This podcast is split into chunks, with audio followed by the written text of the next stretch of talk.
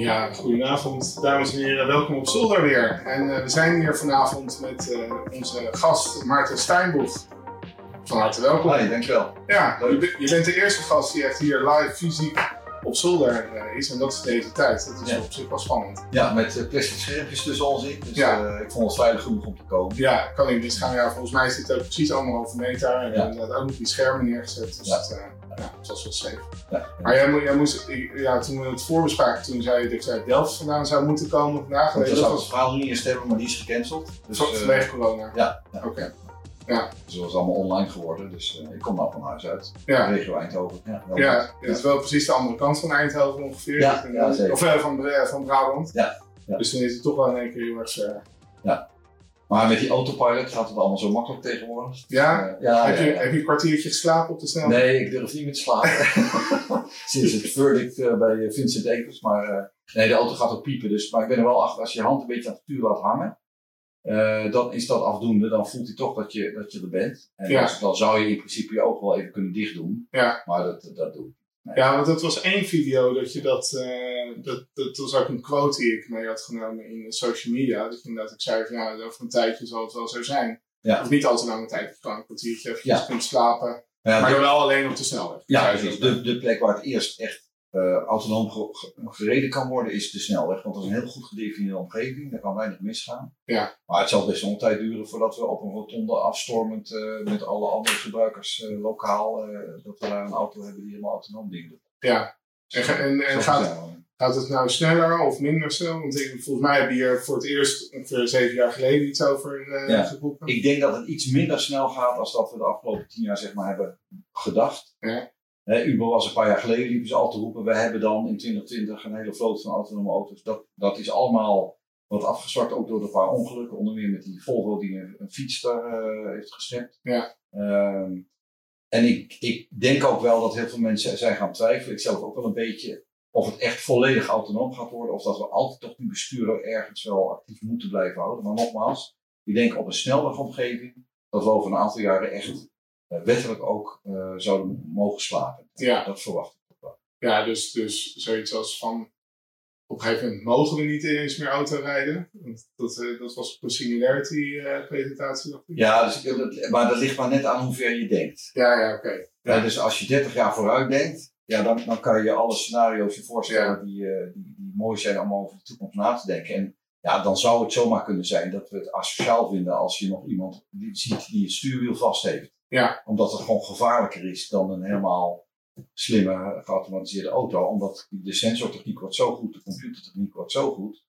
Ehm, ja, en, en straks wordt er zoveel data geladen met allemaal voorbeeldcases. Dat ik kan me niet voorstellen dan dat het over 30 jaar inderdaad gewoon veel veiliger is om een hele autonome auto te hebben. Ja. Maar voordat we er zijn, dan moet er nog wel heel veel gebeuren. En, en dat punt, ja, ik noem het 30 jaar ver. Dat is dan zo ver dat we denken, oh ja, dat is zo ver.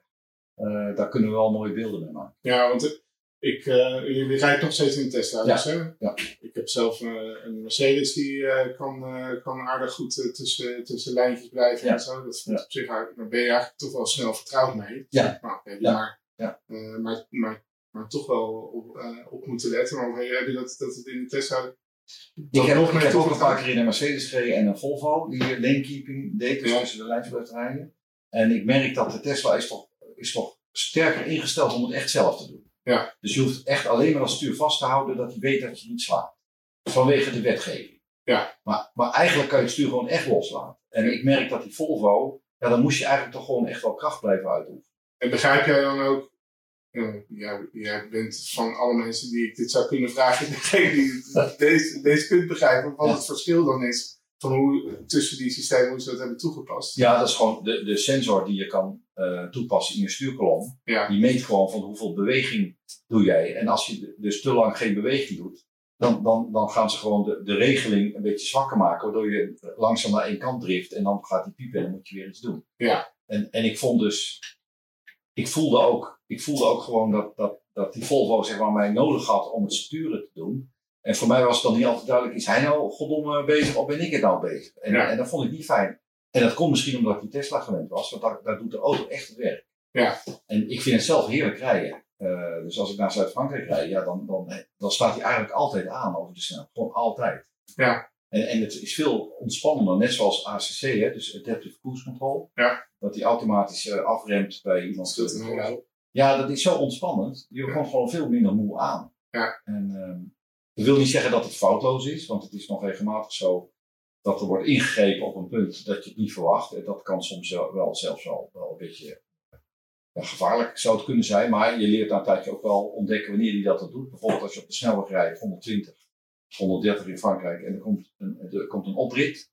En dan rijdt daar een auto die heel langzaam rijdt. Dan gaat die auto van jou, van mij dus in dit geval, die gaat afremmen om die auto ertussen te laten. Terwijl als mens zou je gewoon juist even een beetje bijgassen om, of stroom geven, om dan harder te kunnen. Ja. Nou, dat verwacht je niet. En dan, als hij dan te hard remt, dan kunnen mensen te dicht op je achterrijden. Die kunnen dan verschrikken. Dus, maar je weet dat na een tijdje, dus dan hou je gewoon je voet bij het stroompedaal en dan geef je een beetje, een beetje stroom bij. En dan, en dan, eh, dan rijd je gewoon lekker door. Ja. Dus, maar, op- maar op zo'n rit van 1200 kilometer heeft hij dat de afgelopen keer, heeft hij geloof ik drie of vier keer ingegrepen dat ik dacht van nee, dit zou ik nou zelf niet doen. Ja. Dus wel best. Ja, nou, ik geloof dat. Ik kijk dan regelmatig ook wel naar, eh, naar andere podcasts. eh, van eh, onder andere Lex Friedman uit, eh, uit de US. Ken je die toevallig? Nee. Hij is, ik weet het niet precies aan aan welke universiteit hij geleerd is, maar die schrijft ook veel, of die spreekt ook veel over, eh, over eh, autonome auto's. Eh, en dat de manier waarop Tesla daarmee bezig is, dat ze wel een enorme voorsprong nemen. Door gewoon de hoeveelheid data die ze nu Ja. aan het verzamelen zijn met die autopilot-functie. Ja. Dus eh, als Ja. het ergens op een snelle manier vandaan moet komen, is het wel bij hun. Ja, dus je loggen alle data. Hè. Dus als je, als je de, de autopilot aanzet, dan vraagt hij ook dat je bevestigt dat je akkoord bent dat ze data loggen. Ja. Eh, dan zeg je gewoon ja, daar ben ik mee akkoord.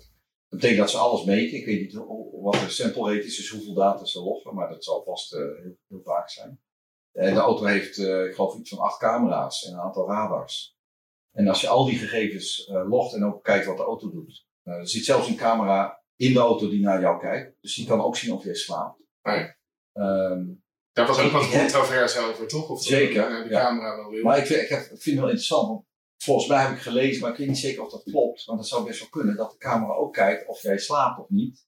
En dat hij dan de autopilot even uitzet. Oh ja. Dus dat, dat vond ik eigenlijk, dat moet ik eigenlijk al een keertje proberen. dat je gewoon een tijdje je ogen dicht doet en dan wacht totdat hij echt gaat piepen. En dus wel je stuur beweegt, maar je oog- dicht gaat. En dan kijken of hij dan gewoon iets gaat doen. En dan weet je dus, hij kijkt naar mij en hij controleert gewoon of ik niet slaap. En ja, veel andere automotive-fabrikanten zijn ook met dit soort eye-tracking dingen bezig. Om gewoon voor de veiligheid van jou, als je dan, als je dan dan krijg je ook een signaal. Dus op zich is dat allemaal technologie waar iedereen mee bezig is. Ik heb wel eens dat mijn auto zegt van, eh, je moet misschien even een kopje koffie gaan drinken. Kijk, check. Dat zijn het daar Ja, ja, dat is gewoon, dat is gewoon, die trekt gewoon je iris en naar je oog dit. En die kijkt gewoon, hey, hoe, hoe- interessant hè? Ja. Ja, en ik heb van die dichte oogleden, dus dat gaat bij mij ook. ja, waarschijnlijk gaat het om de verandering hè, te zien. Oh. Ja, dus, eh, Oké. Hey, en eh, nou goed, dus je bent, je bent jij weet het allemaal omdat je ook leraar bent aan TU Eindhoven. En dan ben je met control en systems. Systems en control. ja, mijn, mijn vakgebied is regeltechniek. Dus ik, ik, eh, ik heb het vakgebied van nadenken over hoe processen bemeten worden. Hoe, hoe meetsystemen worden toegevoegd aan, systemen. En hoe je dat gebruikt om dat zelf, systeem weer te veranderen. Dus door, actua, door actuatie het systeem te beïnvloeden. En een regelsysteem, dat kennen we overal allemaal voortdurend. Dus, dus jij, jij bestaat met jouw lijf helemaal vol zit je met regelsystemen. Bijvoorbeeld, je bloedsuiker is een prachtig regelsysteem. Maar ook het, het, het hartritme, je bloeddruk. Dus heel veel chemische processen in jouw lijf zijn regelsystemen. Daar zitten mechanismes in van terugkoppelen. Eh, het klimaat is, een, is eigenlijk een dynamisch geregeld systeem. Ehm, eh, maar bijvoorbeeld de, de cruise control in een auto, de snelheidsregeling in een auto, is een hele simpele. Ja, je weet gewoon de snelheid van je auto. Je hebt een bepaalde snelheid ingesteld. En als je dus tegenwind hebt, dan, gaat je auto afzakken. Maar dan zegt hij, hey, ik zie een verschil. Nou, dan doe ik weer een beetje gas of stroom bij. Dus dat zijn allemaal regelsystemen. En ons vak is eigenlijk er eentje van dat we nadenken, oké, hoe moet je nou die regelaar ontwerpen? En, dus, en dat heeft dus te maken met nadenken, wat, wat is het systeem wat ik regel? En wat zijn de sensoren en actuatoren die ik kan gebruiken? Hoeveel storingen zitten erop? Heb ik veel tegenwind of zijwind? En wat zijn je setpoints? Hoe snel kan een setpoint veranderen? Gewenste waarde. En dat, dat is mijn, regel, mijn, eh, mijn. En het leuke is, dat vak kan je overal toepassen. En dan ben ik een werktuigbouwer, dus ik pas het vooral toe met mijn groep op dingen die bewegen. Want die vinden we leuk. Auto's, robots. ehm, En, en van daaruit kan je, ja, denk je aan mechatronica en high-tech systemen en robots voor chirurgie. En, en, maar je kan ook denken aan procescontrole. Dus in mijn groep zitten ook mensen die doen werk aan regeltechniek voor kernfusie. Dus het samensmelten van kernen waardoor je energie krijgt. Ja. En daar zitten ook allemaal regelproblemen in. Dus dat is, dat is wat we doen met de groep. Ja, precies. En, en, maar de, uh, je, je laat vaak filmpjes zien. Kunnen we misschien ook naar kijken over de, over de voet, voetballende robots. Ja, ja zeker. Um, die, dat lijkt mij dan een, een, ook een manier om uh, gewoon een concrete opdracht uh, te hebben waar ja. je op kan richten en, uh, en de studenten dus mee aan de slag kan laten ja. gaan. Hè? En zo hebben we op zich heel veel labs, heel veel opstellingen in onze labs in, aan de TU Eindhoven, maar de voetbalrobots, dat is een bijzondere slag. Daar, daar zijn we zo ja, tien jaar geleden mee begonnen. we doen mee met de RoboCup competitie. en dat is een organisatie die is ontstaan vanuit Japan, een jaar of twintig geleden. Met als doel om in 2050 het beste menselijke voetbalteam te verslaan met robots.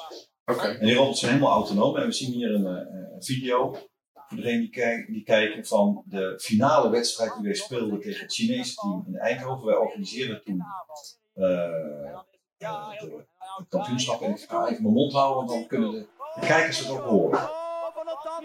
Van het tandwiel. Van het tandwiel probeert twee. Van het tandwiel probeert twee, drie man meteen langs. Eén man, twee man kwijt. Nu nog eentje. Van het tandwiel. Ja. Nederland scoort. Nederland scoort, precies.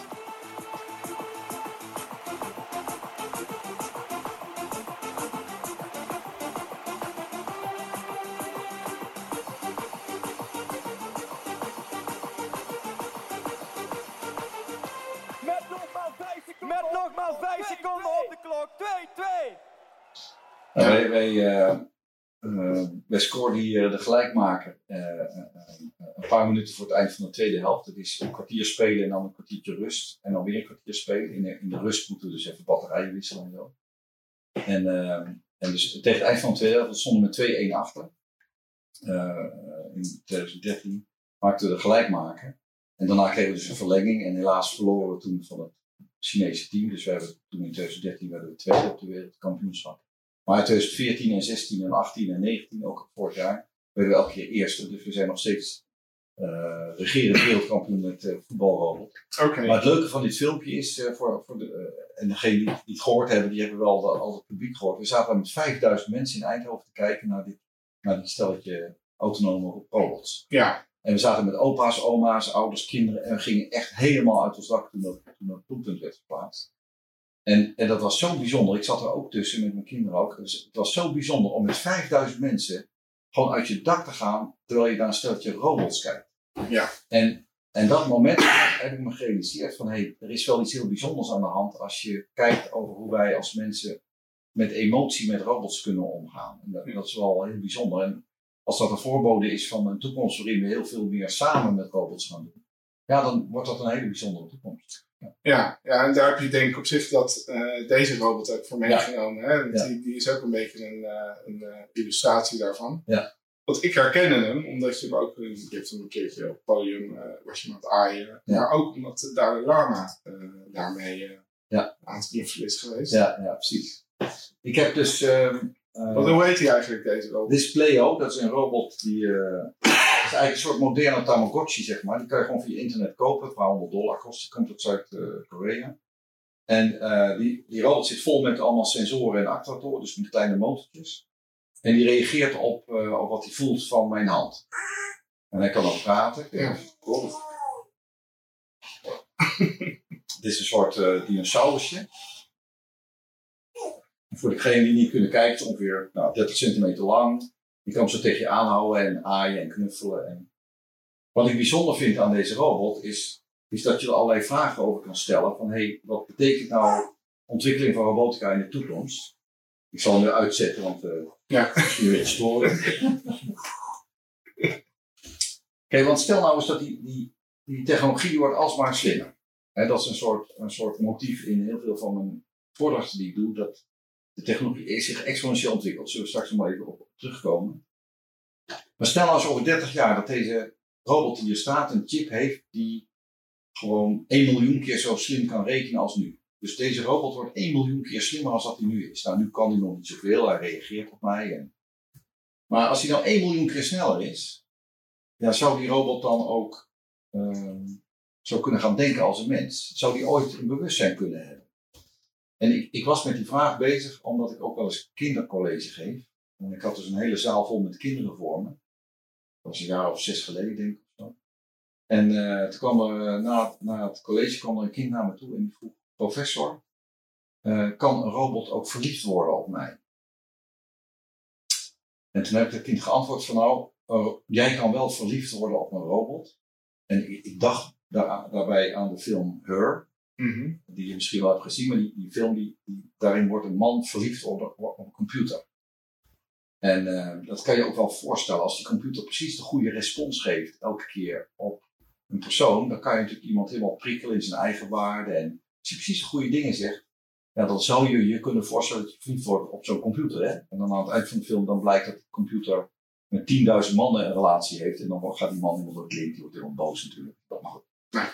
Uh, dat heeft natuurlijk niet, het kind verteld, maar ik heb wel het kind verteld dat, een robot in principe ja, niet zo voelt als een mens. Dus jij als mens kan wel verliefde gevoelens hebben naar een robot, maar een robot zal nooit verliefd worden jou. Maar als je nou dieper gaat nadenken, en nogmaals, laten we die 30 jaar verder vooruit nemen, en de rekenkracht is 1 miljoen of, of 1 miljard keer zoveel als nu. Ja, zouden we dan nooit onze hersenen kunnen nabouwen? Dat is natuurlijk een hele moeilijke, diepe vraag. Stel dat we, dat we helemaal begrijpen met allemaal computermodellen en metingen hoe onze hersenen werken. Zouden we dat dan ooit kunnen namaken met, met computers? En, da, en dan is de vraag, stel dat het kan, hè? stel dat je een, een menselijk brein kan namaken, dan zou je dus ook kunnen beredeneren dat je bewustzijn zou kunnen programmeren ja. of kunnen laten ontstaan. En dus ook emoties en, en, en, verliefdheid.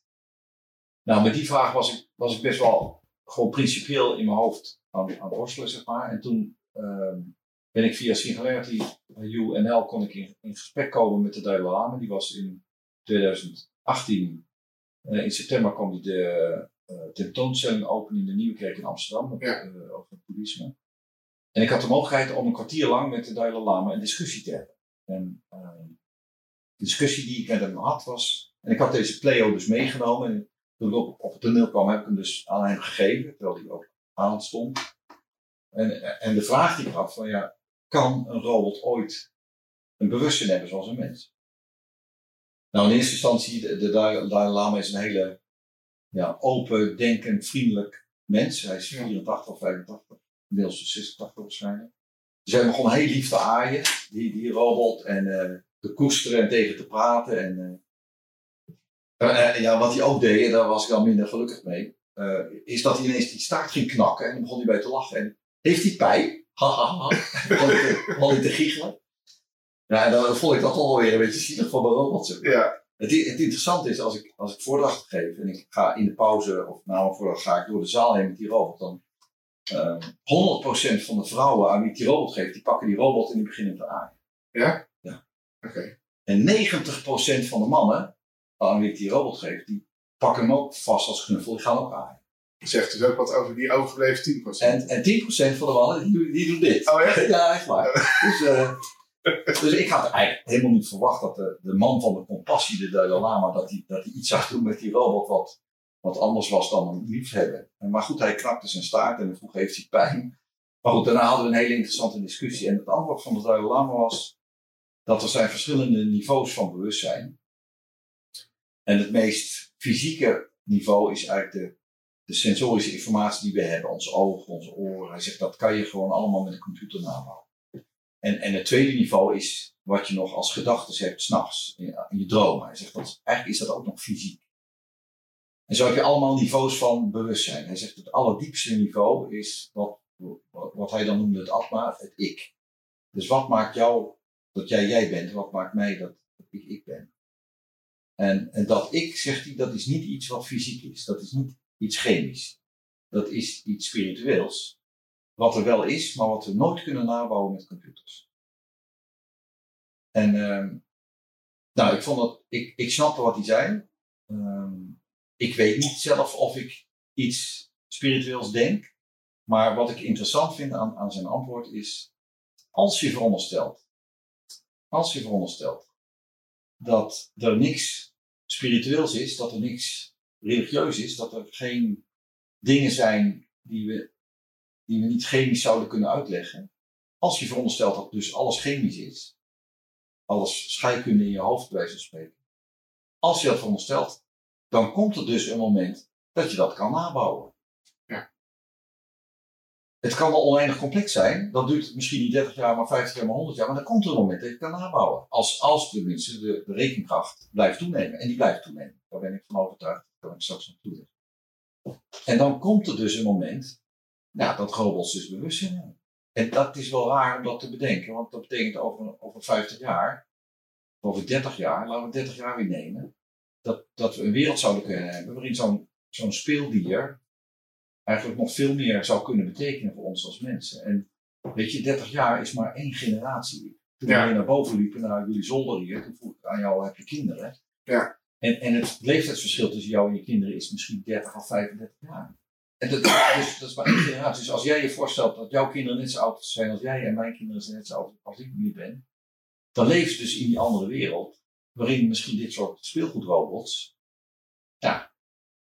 een bewustzijn zouden kunnen hebben. En dat is wel een hele vreemde gedachte. Ja, En dat, dat vind ik prikkelend. Ik doe geen waardeuitspraak of dat goed of slecht is, maar ik vind het prikkelend om erover na te denken wat die wereld zou kunnen betekenen en hoe we kunnen zorgen dat de weg er naartoe een verstandige weg is, waarin we de echt, echte belangrijke dingen oplossen die ons omringen. En dat we in een wereld komen waar, waar iedereen gelukkig is. Dus Nou, wat ik nog wel interessant vind, om het even terug te grijpen op, op de Dalai Lama, is dat jij, jij, bent, eh, jij bent een wetenschapper. Inderdaad, je, je eh, zegt al van, nou ja, het, het spirituele, dat weet ik dan niet zo. Maar wat, ik vind wel interessant dat jij dus in, vanuit toch een beetje een soort van onzekerheid zo'n vraag stelt aan de Dalai Lama. En dus wel heel veel waarde hecht aan hoe, hij daar naar kijkt. En waar put hij dan die wijsheid uit, waar jij dan van denkt van, oh ja, oké, dus... ik vind het heel, ik heb het altijd als kind ook al heel boeiend gevonden om na te denken hoe de verschillende religieën in de wereld denken en wat hun, wat hun beelden zijn. En, en als je dieper graaft, dan blijkt heel veel toch een beetje op hetzelfde neer te komen.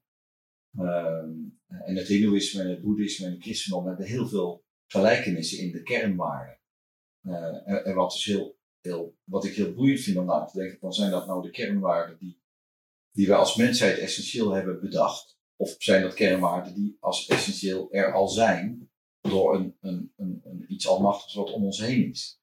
En wat ook het antwoord is, als wij als mensheid die kernwaarden als centrale thema's nemen, ja, dan moeten we zorgen dat met technologische ontwikkeling die kernwaarden ook geborgd blijven. Dus, dus vandaar dat de relatie tussen techniek en nadenken over wel of niet iets spiritueels ook iets te maken hebben met het woord ethiek. En hoe je dus de technologische ontwikkeling, eh, hoe je daar ook altijd weer die ethische vragen moet stellen, omdat wij samen als menselijkheid op een menselijke manier willen blijven Ja. eh, samenleven. Mijn indruk is altijd als ik, als ik dat soort gesprekken voer met, eh, met mensen gewoon eh om me heen, hè, in directe zin, gewoon in, in de familie of Ja. iets daarbuiten, is dat, dat, dat er het, het grootste gedeelte van mensen ja, hier niet bij stilstaan. Nee. Bij hoe, hoe gaat die wereld nou veranderen en dan inderdaad misschien een horizon hebben van ja, een jaar, twee of vijf misschien. Ja. Maar niet eh, zo ver vooruit dat je inderdaad die hele exponentiële Nou, dat vind ik ook altijd leuk als ik, als ik praat met, met groepen van mensen en ook met studenten. Ehm, kijk, wij denken als mensen, wij hebben de neiging om lineair te denken. Mhm. Ehm, terwijl technologie ontwikkelt zich exponentieel. Nu, met corona is het uitleggen wat exponentieel is, is makkelijker geworden. Omdat iedereen snapt dat het getal groter dan r is 1. Dus, dus als r is 1,1, dat betekent dat je dus 1,1 persoon besmet. En 1,1 personen, die besmetten 1,21 personen. Dus dat is een vermenigvuldiging. 1,1 keer 1,1 keer 1,1. Ja. Dus dat, dat gaat exponentieel hoog.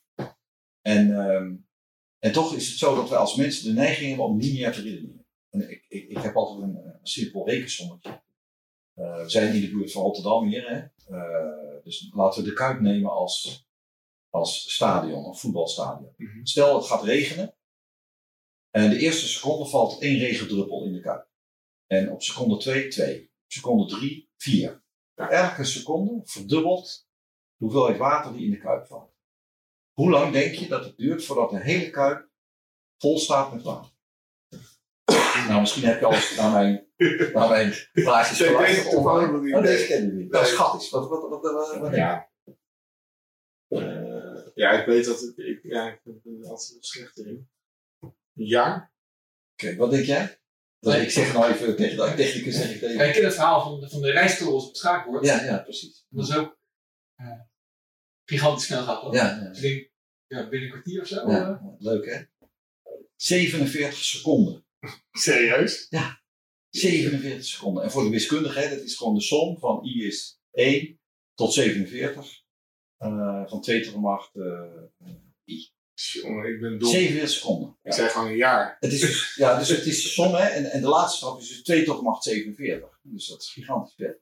In stap 46, in, na 46 seconden, staat de kuip dus half vol. Ja. Min 1 groep. Half vol. Dus in, in seconde 47 komt er boem de halve kuip bij. Nou, dit is exponentieel denken. Dus op stap 1 denk je er gebeurt niks. Seconde 2 gebeurt niks. Seconde 5 gebeurt nauwelijks wat. Seconde 46 naar 47 komt de halve kuip in water, boem erbij. Ja. Dit is ook met elektrisch rijden het geval. Bedoel, iedereen lachte mij uit, tien jaar geleden. Twee auto's verkocht. Het jaar erop 10. Het jaar erop 100. Het jaar erop 1000. Weet je, wij groeien dus, dus nu dit jaar met waarschijnlijk 20 tot 25 procent van de nieuwe auto's is, is elektrisch. Vorig jaar was het 12 procent, het jaar daarvoor was het 4 procent. Dus per jaar, per vaste tijdseenheid, groeit dat gewoon ontzettend hard. Dus in het begin denk je van nou, dat duurt nog on- ontzettend lang. En nou, dan zou je zeggen, in 2025 is het gek als je geen elektrische auto meer wil hebben. Ja, alleen, eh, de, daar zit Eh, dan... Het stopt wel weer, want, en ook dat virus, want op een gegeven moment heeft iedereen, eh, die koopt een elektrische auto en is gewoon 100%. Dus Ja. dan is er geen groei meer natuurlijk. Hè? Want, dan- en datzelfde geldt voor het virus. Als iedereen het virus heeft gehad, ja, dan is die groei natuurlijk uit. Ja. Dus dat is die typische S-curve, dus je gaat exponentieel omhoog en dan kom je in het midden en dan gaat het weer afvlakken. Maar sommige dingen versnellen ook omdat er een soort van, eh, de, de wet van de terugkerende, hoe zegt, hoe zegt eh Return, eh, ja. Research wel dat ook return. alweer? Ja. Ja, anyway. Dus dat, de, de, ja, dus dat het zichzelf ook versterkt Ja, eigenlijk. ja, ja, dus precies. de computerkracht leidt tot computers die in staat zijn om weer snellere computers te maken. Ja. Even heel plat gezegd. ja Kurzweil, ja. Dus wat, wat, wat de tegenkracht daar is, is dat de technologie misschien wel exponentieel ontwikkelt, maar de maatschappij en jij en ik niet. Nee. blijven gewone mensen. En wij moeten het wel gebru- gebruiken en kunnen gebruiken. Ja. En het is heel interessant om de hele digitalisering van de afgelopen half jaar te zien.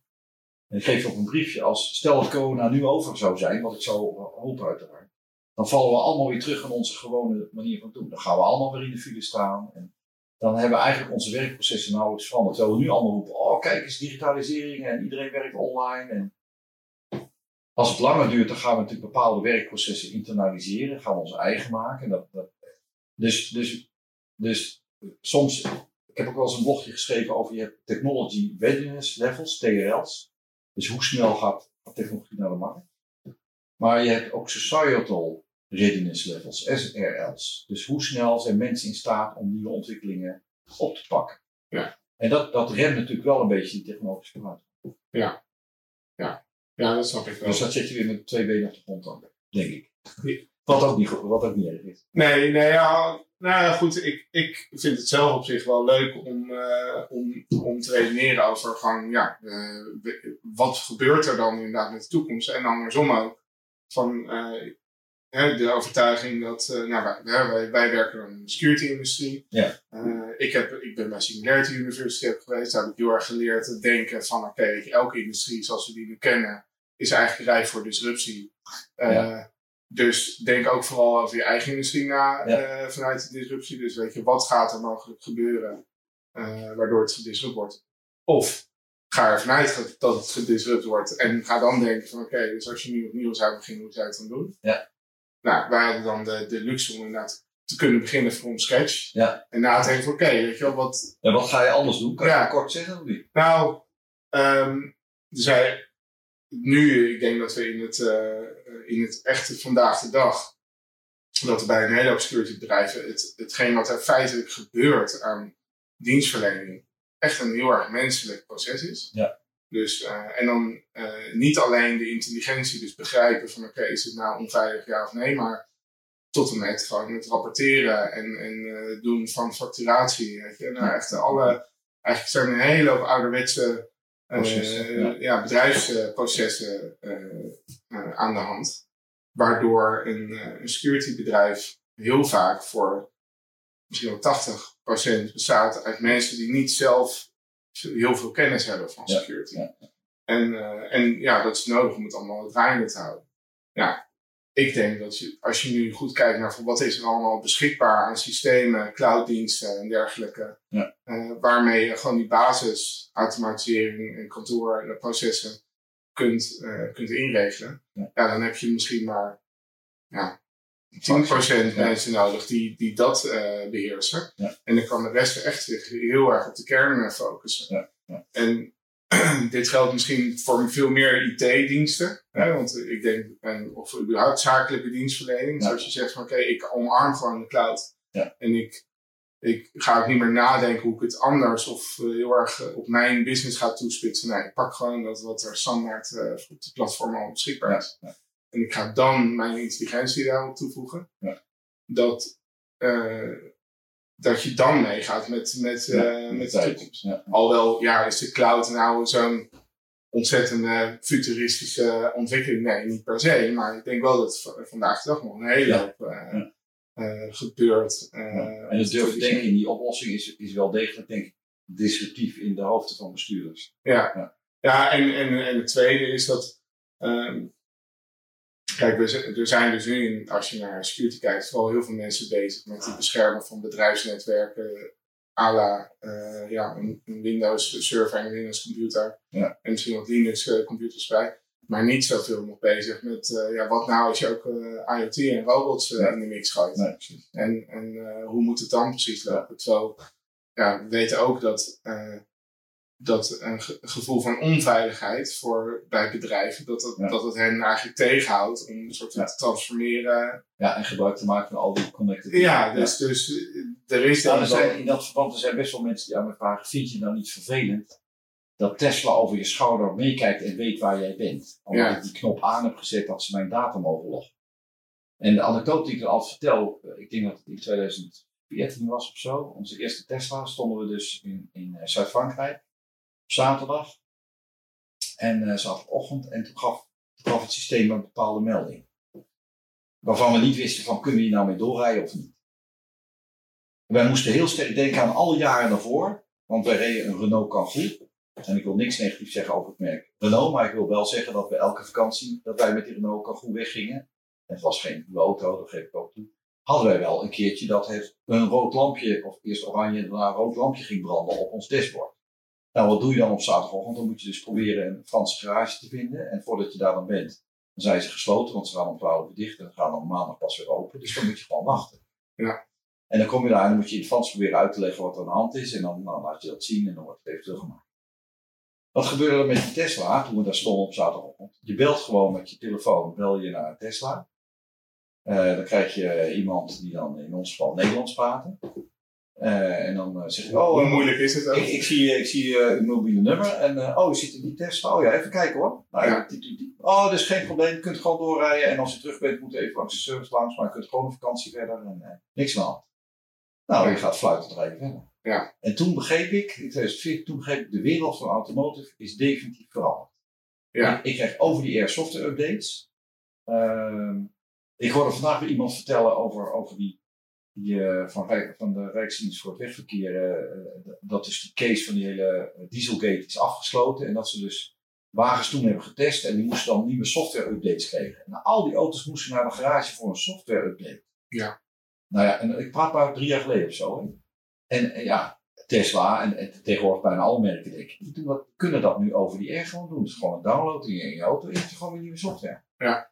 Weet je, die wereld is zo snel veranderd. Dat is in een paar jaar tijd, is het gewoon, is het gewoon totaal disrupt. Ja, En eh, ik- eh, aanstaande, zaterdag eh, komt er in, eh, in, in, het Financieel- in het Financieel Dagblad, schrijf ik een column, eh, in Futures, komt er een stuk van mij over de hele eh, maakbaarheid van de elektrische auto. En er zijn dus start-ups, eh, onder meer in Israël, het bedrijf RE, En die maken een platform. Dus die hebben bedacht, die elektrische auto is eigenlijk zo simpel. Ja, dat zag ik vandaag. eh, die heb ik nog aan je doorgestuurd. Het was een artikel. Of heb ik die niet doorgestuurd? heb ik niet doorgestuurd. Ja. Maar, maar dus die maken zeg, een wiel, daar stoppen we de elektromotor bij en de ophanging. Ja. En dan heb je geen transmissie meer nodig, dan is gewoon het wiel, is gewoon één module. En er zit de hele aandrijving in. En zo hebben we dan vier corners, cornermodules. En soms kunnen de wielen ook niet aangedreven zijn als je gewoon twee wielaandrijving hebt. Maar goed, dus vier wielmodules, cornermodules. En dan een platform ertussen wat dan eh, een batterijpakket heeft. Nou, dat samen noemen ze dan een skateboard. Nou, en dat kan je dus over heel de wereld. Dat maak je dus ergens waar heel veel kennis zit over batterijen en die, en die, en die elektromotoren in, in de wiel. En dat, dat ga je gewoon voor de hele wereld produceren. En dat ga je in grote containerschepen over heel de wereld verspreiden. En in één containerschip kunnen dus tien keer meer skateboards dan volledige auto's. Ja. En dan ga je dus lokaal produceren. Dus in Afrika krijg je gewoon een, een die er gewoon de carrosserie bij bouwt. En dat kan een, eh, een, een Land Rover zijn, typetje, of een ander soort auto. Dat bouw je allemaal op hetzelfde platform. Dus die hele automotive sector die is gewoon in tien jaar totaal gedisrupt. Het wordt, het software gestuurd, het is, het is over-the-air updates. De, de powertrain is elektrisch in de wielen, dus geen transmissie meer, geen verwarmingsmotor, geen uitlaten. Dus de auto is veel simpeler, veel goedkoper te maken, veel langere levensduur en lokale productie, waardoor die transportkosten enorm omlaag gaan. Ja. En dat is toch wel bijzonder, want na ICT is automotive de grootste industriële sector ter wereld. Hè. Er worden 80 miljoen auto's verkocht per jaar over de hele wereld. 80 miljoen. Het is gewoon een consumentenproduct. Ja. Het is de tweede grootste industrie en die wordt totaal disrupt in maar 10 jaar tijd. Ja. En dat vind ik heel bijzonder dat we dat nu meemaken. Ja, ja, dat zit er middenin. Ja, want jij zegt, je hebt het ook af en toe over jouw overgrootvader. Die Ja. hebben we aan het begin van de auto. eh. Eh, want eh, wat heeft hij meegemaakt? Het- De lopende band of nog zo daarvoor dan? Nee, George, eh eh, George Steinboeg, die mijn overgrootvader, dus dat is de vader van mijn opa, hè, of de opa van mijn vader. Eh ik altijd van nadenken, eh, overgrootvader, hoe betekent dat ook weer? Ehm, die heeft boeken geschreven in 19, van 1910 tot 1920 ongeveer. Ja. Ehm, en die heeft dus eigenlijk de, de, de neergang van de elektrische auto gezien in die tijd. Want de meeste taxis, bijvoorbeeld in Amsterdam in, in, in 1910, waren elektrisch. Ja. En eh, de elektrische auto was best populair. En eh, wat veel mensen niet weten is, eh, weet, weet je waarom het zo populair was, die elektrische auto? Nee. Ehm, omdat vrouwen ermee konden rijden. Want de normale verbrandingsmotor, die moest je aanslingeren. Oh, goed. En vrouwen konden dat niet. Nee. En daar werd je ook vies van. En die elektrische auto was schoon en die ging gewoon vanzelf rijden, zeg maar. Als je het stroompedaal aanraakt. Alleen, ja, mijn overgrootvader schrijft dan in een van zijn voorwoorden van zijn drie delen geschreven. En schrijft, ja, die elektrische auto die is eigenlijk eh, te duur. En, en je kan niet ver genoeg. En die batterijen zijn veel te zwaar. Ja. En eh denk ja, dat is toch wel leuk. En toen, eh, een van zijn drie delen gaat helemaal over de verbrandingsmotor. En een ander deel over het hele uitlaatsysteem. En, en de ophanging en zo. En dan denk ik, ja, honderd jaar later, de achterkleinzoon, ik dan, die, die, ik roep, jongens, de verbrandingsmotor is voorbij. En het wordt gewoon helemaal batterij elektrisch. Ja. Eh, en, en de range is voldoende, het wordt voldoende goedkoop en de levensduur is ook voldoende goed. Maar dat heeft wel alles te maken met de batterijtechnologie, denk ik, toch? Batterij is key. Ja. Batterij is key. En eh, weet je, weet je, daar had je laatst ook een Ja. eh, column over geschreven dat het ook al maar beter wordt. Maar als dan bijvoorbeeld zo'n Ray een, een, een battery pack maakt, is dat dan dezelfde soort technologie waar Tesla ook mee werkt? Ja, ja, ja. Nou ja, kijk, dat soort fabrikanten zullen ook weer partners hebben voor de Ja. toeleveranciering van, van, van de batterijpakketten. En ik weet niet met wie zij een partnership hebben. Dat kan met Japan zijn of met Zuid-Korea, met LG Chem of met, met eh, kijk, Tesla haalt zijn batterij nu ook van Panasonic en van LG Chem voor een deel vandaan. Gaat zelf ook al ontwikkelen. Maar iedereen is, is bezig, want de, de holy grail van de hele energie- en mobiliteitstransitie is de batterij. Ja. Uh, en de batterij is cruciaal voor, voor de, de korte termijn opslag. En voor de elektrificering van onze huishoudens. Voor de opslaan van zonne-energie overdag. Dat je s'nachts weer je warmtepomp kan aansturen. En voor de mobiliteit van persoonlijk vervoer. Ja. En, uh, en waterstof waar vaak over gesproken wordt. Is vooral voor de, voor de industriële, zware industriële vraag. Niet voor mobiliteit is eigenlijk zonde om daar waterstof in te stoppen. Ja. En die, uh, uh, die batterijen die zijn afhankelijk natuurlijk van grondstoffen. En er wordt wel eens van gezegd van ja, die zijn schaars. Dus dat is, dat is een probleem voor, uh, voor maar jij doet volgens mij... Nee, dus de, de kobaltvrije batterij, dat is de volgende generatie. Wordt gewoon kobaltvrij. Dus dat probleem is dan ook alweer opgelost. Um, en, en, verder, lithium is er eigenlijk in, in uh, abundance in overvloed op de wereld. Ik wil niet zeggen dat je het overal allemaal makkelijk kan, kan opgaven. Maar de, juist omdat iedereen snapt dat de batterijtechnologie de, key is van de hele energie- en mobiliteitstransitie, worden er heel veel nieuwe eh, mijnen geopend voor, eh, voor lithium. En profiteren de lokale eh, gemeenschappen daar dan ook van? van die, Ja, ik denk het wel. Er is bijvoorbeeld in Canada wordt, wordt er heel zwaar ingezet al om een lithium producerend land te worden. En daar, daar heeft de lokale economie natuurlijk alle voordelen Ja. eh, bij. Nou ja, goed, denk ik. Ja. Oké, en het enige wat nog niet zo goed gaat met de elektrificering, dat zijn eh, de shovels hè, in de bouwsector. Nou ja, ik heb toen een blogje geschreven, al in februari oost van dit jaar, ehm, eh, eh, over dat het me verbaasde dat die hele stikstofproblematiek, daar wordt heel veel naar de landbouw gekeken, en dat begrijp ik wel, want dat- daar, daar komt heel veel vandaan. Maar vervolgens krijgen we dan dat we in plaats van 130 nog maar 100 mogen rijden, wat ik zelf uitstekend vind, maar vooral voor CO2. Maar als je uitrekent hoeveel stikstof dat bespaart, dan is dat heel beperkt. Als je kijkt naar de bouwsector, dan is, is dat zware materieel is, is gewoon behoorlijk, behoorlijk verantwoordelijk voor een deel van die stikstofproblematiek. En het zit ook altijd op die bouwplaats. Ja. Dus toen dacht ik van ja, waarom, waarom wordt er niet veel zwaarder op ingezet om dat bouwmaterieel te elektrificeren? Nou, er is een start-up toevallig op de Automotive Campus in Helmond, eh, die voortkomt uit een van de studententeams eh, bij ons. En, en die doen dat, die, die, die bouwen dus die, die trucks om, die leveren batterijpakketten en elektromotoren. Uh, bestaande trucks worden omgebouwd. eh, Ja, ja. zo. Ja, dus trucks, dus, dus zwaar materieel, dus Ja. voorgeftrucks en, en, en shovels en dat soort dingen. En toevallig heeft dus nu net deze week eh, de regering besloten om, eh, om een miljard vrij te maken voor die bouwsector. Inclusief het stimuleren van het elektrificeren van voorkeftrucks en, en zwaar materieel. Oh, ja. En er zijn inmiddels meer bedrijven ontstaan die, die daar dat gat in de markt zien. Ehm, ja, dus ik, ik vond dat het, en mijn tweet van vandaag was van ja, ik heb het in februari geschreven, het is nu oktober en ik ben blij dat er nu actie komt. Want dat, Ja, is dat, is dat snel. actie Is dat, Nou ja, dat weet ik nooit. Dus causaliteit is, een- is een moeilijk begrip. Maar kijk, ik hoop, kijk, Financieel Dagblad wordt best veel gelezen door, door ook mensen die in de Tweede Kamer zitten. Dus je hoopt dat je toch ja. een zeker publiek bereikt. Is dat ook je bedoeling van die columns? Die Nou, niet alleen maar dat publiek. Ik denk dat het in het algemeen belangrijk is dat we nadenken over de toekomst van mobiliteit. En, en het Financieel Dagblad heeft mij en Carlo van der Weijer, met wie ik dat samen doe, gevraagd om ja, elke week een column te schrijven waarin wij dat, dat, dat doorkijkje naar de toekomst eh, kunnen beschrijven. En ook een beetje de zin en de onzin van wat mensen soms roepen eh, Ja. kunnen, kunnen beschrijven. En eh, ja, we zijn heel blij dat we, dat we ook het initiatief hebben genomen om er een boekje van te maken. Dus eh, Ja. iedereen die, eh, die eh, voor zijn bedrijf een kerstpakket moet samenstellen, die is van harte welkom. Ik zag het, ja. Ook als je het individueel wil kopen. Ik heb hem al, ik heb hem al besteld. Oh. Het is nu nog in voor, is nu nog reserveren. Ja, dus we zijn het nou aan, aan, aan het samenstellen. We zijn de tekst aan het redigeren een klein beetje. We zijn een Engelse versie aan het maken. Dus 15 november dan komt het boekje uit.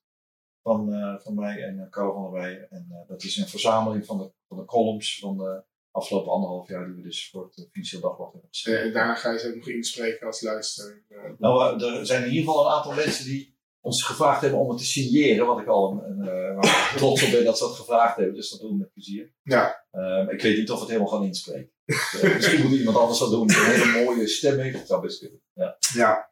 Oké, en, ehm, en jij bent ook, eh, eh, nou ik noemde net al zelf dat ik, dat ik bij de Singularity University geweest ben. Dat was echt in eh, Silicon Valley. Dus Oh ja, ja eh, zo'n week hè. Ja, ja, zo'n. Ja. campus.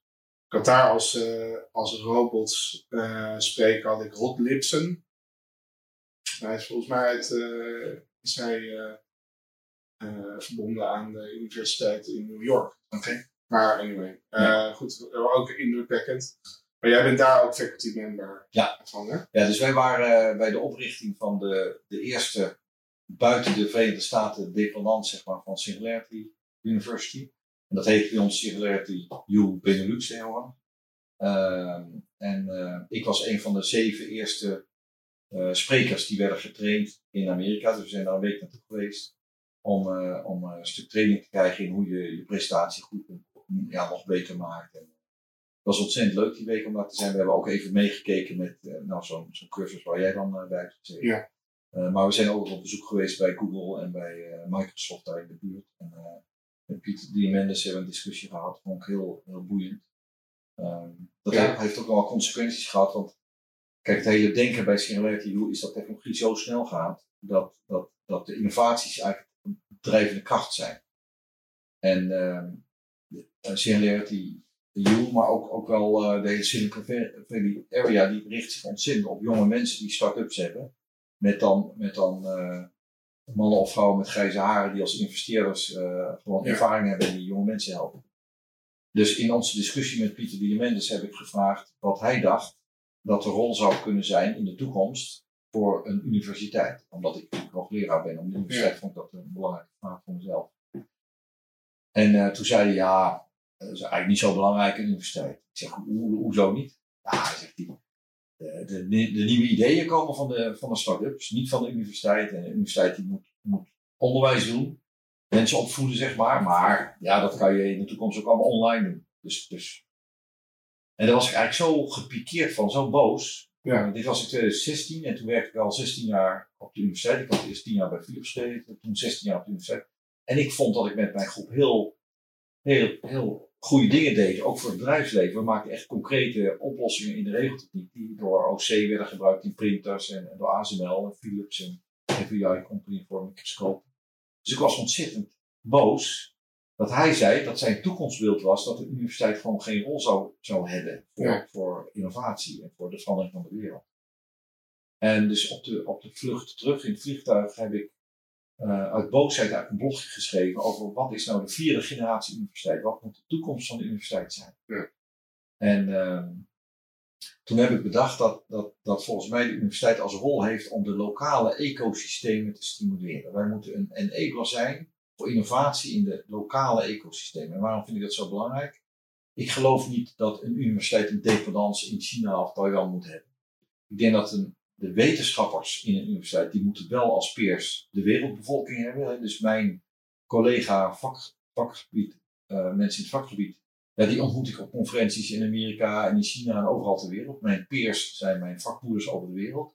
Maar wat ik feitelijk aan research doe, moet ik met de lokale omgeving over het algemeen doen, omdat daar ook de meeste studenten in uitstromen. Eh, en, en, en ik kan daarmee ook die lokale ontwikkelingen stimuleren. En om echt een impact te hebben, moet je ook echt het probleem snappen. En als je in je ivoren toren blijft zitten, dan pak je niet de echte kernprobleem. Nee. Dat is, althans, dat is heel moeilijk. De, de dingen die je daar vastpakt, eh, die je niet, waarbij je het niet nodig hebt om met de omgeving te communiceren, dat zijn de dingen waar de nieuwe Nobelprijswinnaars over 30 jaar mee worden geboren. Die hebben we ook nodig. En dat is misschien 5% van de totale populatie op de universiteit. 95% moet gevoed worden uit de echte problemen die je ziet om je heen in de praktijk, als je tenminste impact maken. Nou, wat is die omgeving? In mijn geval in Eindhoven, dat is de Brainport-regio, de high-tech-industrie, de maakindustrie. Ja, en ik, voor mij is het dus heel belangrijk om al die relaties met de industrie te hebben, om echt te snappen wat is nou hun probleem en wat is hun probleem over vijf jaar over tien jaar over vijftien jaar. En dan map ik dat terug, dat vertaal ik terug naar mijn researchgroep met mijn mensen. Denken we nou, oké, wat waar moeten wij dan aan werken? Nou, en zo ontstaat bij onze researchlijn, waar we de kortere termijn resultaten van gewoon kunnen delen met het bedrijfsleven. Die kunnen dat gebruiken, al dan niet tegen betaling, hè, want ze moeten natuurlijk ook ons onderzoek gewoon betalen. En de lange termijn dingen, daar kunnen we wetenschappelijk mee publiceren. Ja. Nou, die, die synergie, daarvan dacht ik, van, eigenlijk is dat de kern van, van de nieuwe generatie universiteit. Ehm, maar terwijl ik daar dus die weken in Silicon Valley was geweest en dus, dus helemaal dat exponentiële gevoel had van technologie, toen dacht ik wel, terwijl ik in dat vliegtuig terug zat van ja, dat is wel leuk dat ik dat zeg, een vierde generatie universiteit, maar eigenlijk zijn wij wel een beetje langzaam als universiteit. Want wij doen lineair research. Wij doen niet exponentieel research, wij doen lineair research. En wat bedoel ik daarmee? Als wij een nieuw onderwerp bedenken, dan pakken we een promovendus en dan gaan we, gaat die eerst literatuurstudie doen, drie maanden, zes maanden, kijken wat anderen hebben gedaan. Dan komt er een creativiteit op gang na een jaar. Dan krijg je de eerste paper na anderhalf jaar, dan stuur je naar een congres, dan krijg je review commentaar een half jaar Ja. later. En dan maak je een nieuwe versie, die komt dan in je journal, dan ben je twee jaar verder. En dan, en dan na vier jaar komt een proefschrift en dan als je dan mazzel hebt met de functie, krijg je de, de vervolgpromovendus en dan die komt er dan achteraan. Dus dat is allemaal lineair. Ja. De technologie gaat exponentieel. De wereld gaat exponentieel. Dus, dus er gaat iets fout in, onze, in ons tempo waarin we onderzoek doen. Ja. En, en daarvoor heb ik toen bedacht, wij moeten een universiteit maken, een vierde generatie universiteit, die veel sneller innoveert. Eh, en daarvoor moet je eigenlijk het bedrijfsleven naar binnen trekken. Je moet de omgeving naar binnen halen. In plaats van naar binnen naar buiten te redeneren. Wij ontwikkelen kennis, wij ontwikkelen start-ups, wij genereren studenten. Moet je ook de buitenwereld naar binnen halen om die innovatieprocessen veel meer agile te maken. En, en zo is eigenlijk de Eindhoven Engine ontstaan. Ja. De Eindhoven Engine is een, eh, is, een, is een plek waar we de innovatie willen versnellen. En die plek hangt niet onder de universiteit, want dan zou het weer te langzaam gaan, ben ik bang. Dus die, die, die, die accelerator van innovatie, de hebben we ook geplaatst naast de universiteit. En samen met Fontis, TNO en de TU Eindhoven, dat zijn de, de oprichters. En samen met het lokale bedrijfsleven proberen we daar een accelerator te maken door mensen van het bedrijfsleven daar naartoe te halen in projecten, samen met onderzoekers van ons, van Fontis, van TNO. En met studenten, jonge mensen die, die gewoon heel creatief nog zijn en niet of the box makkelijk kunnen denken, niet in de box blijven denken. En dat moet een pressure cooker worden om veel sneller innovaties te doen. Ja. En daar ben ik nou mee bezig om het op te zetten. Ja, Ah, Oké, want ik had er al eerder over gelezen dat, dat je er al wel. ja, ja dus, dus eh, we zijn nou een jaar bezig. Ja, oké. En ik zeg bezig op te zetten, omdat we. Ik, ik, ik, we zijn nog niet bij het eindresultaat. Nee, We precies. zijn al een jaar bezig, we hebben 16 projecten. Eh, we hebben zo'n zo'n 10 miljoen eh, aan projectgeld daar al, al zijn we in aan het stoppen. Met een totaal projectomvang van zo'n 40 miljoen. Dus het begint te lopen. Maar wat de echte doorbraak moet zijn, is dat er tussen die projecten ge- chemie ontstaat. Er moet iets tussen gaan ontstaan. Dat de projecten van de mensen die werken aan autonome auto's, dat die praten met de mensen die werken aan slaapproblemen. eh, van mensen hoe je dat herkent met MRI-beelden. En dat Ja. we praten met de mensen die aan, aan leslokalen werken waar je eh, eh, gezonde lucht in wil, in wil hebben. Dat zijn drie voorbeeldprojecten die we hebben. En normaal praten die mensen nooit met elkaar. Nee. Maar als ze alle drie eigenlijk kunnen werken met bijvoorbeeld AI, met kunstmatige intelligentie, dan zou je dus een lijntje door die projecten heen kunnen doen. En dan kan je, kan je ze bijvoorbeeld met elkaar laten praten over, oké, wat voor soort AI gebruik jij, wat voor gebruik jij. Ja. een versterking van die innovaties. En wat voor soort dataproblemen lopen Precies. tegenaan? Ja. en hoe dus- Ja, oké. Nou, dat is het doel van de Eindhoven Engine, om die processen allemaal te versnellen en daarmee ook ja, die disruptors te zijn. Dus bij Singularity University heb je ook op die summit gehoord dat het- de verhalen van de grote multinationals die dan een klein bedrijf afsplitsen, die niet Ja. op de PNL, niet op de profit en loss staat van het grote bedrijf, en die het grote bedrijf moet disrupten. Disrupt your mother heet dat. Ja. En eigenlijk wil de Eindhoven Engine een, disrupt, een disruptor kunnen zijn voor, voor die bedrijven, voor die high-tech industrie in onze regio. Om te zorgen dat, dat we gewoon met die, met die nieuwe toekomst bezig zijn. Dat Ja. we echt die innovatieve stappen kunnen maken in die combinatie van kennisinstellingen en bedrijf. Ja.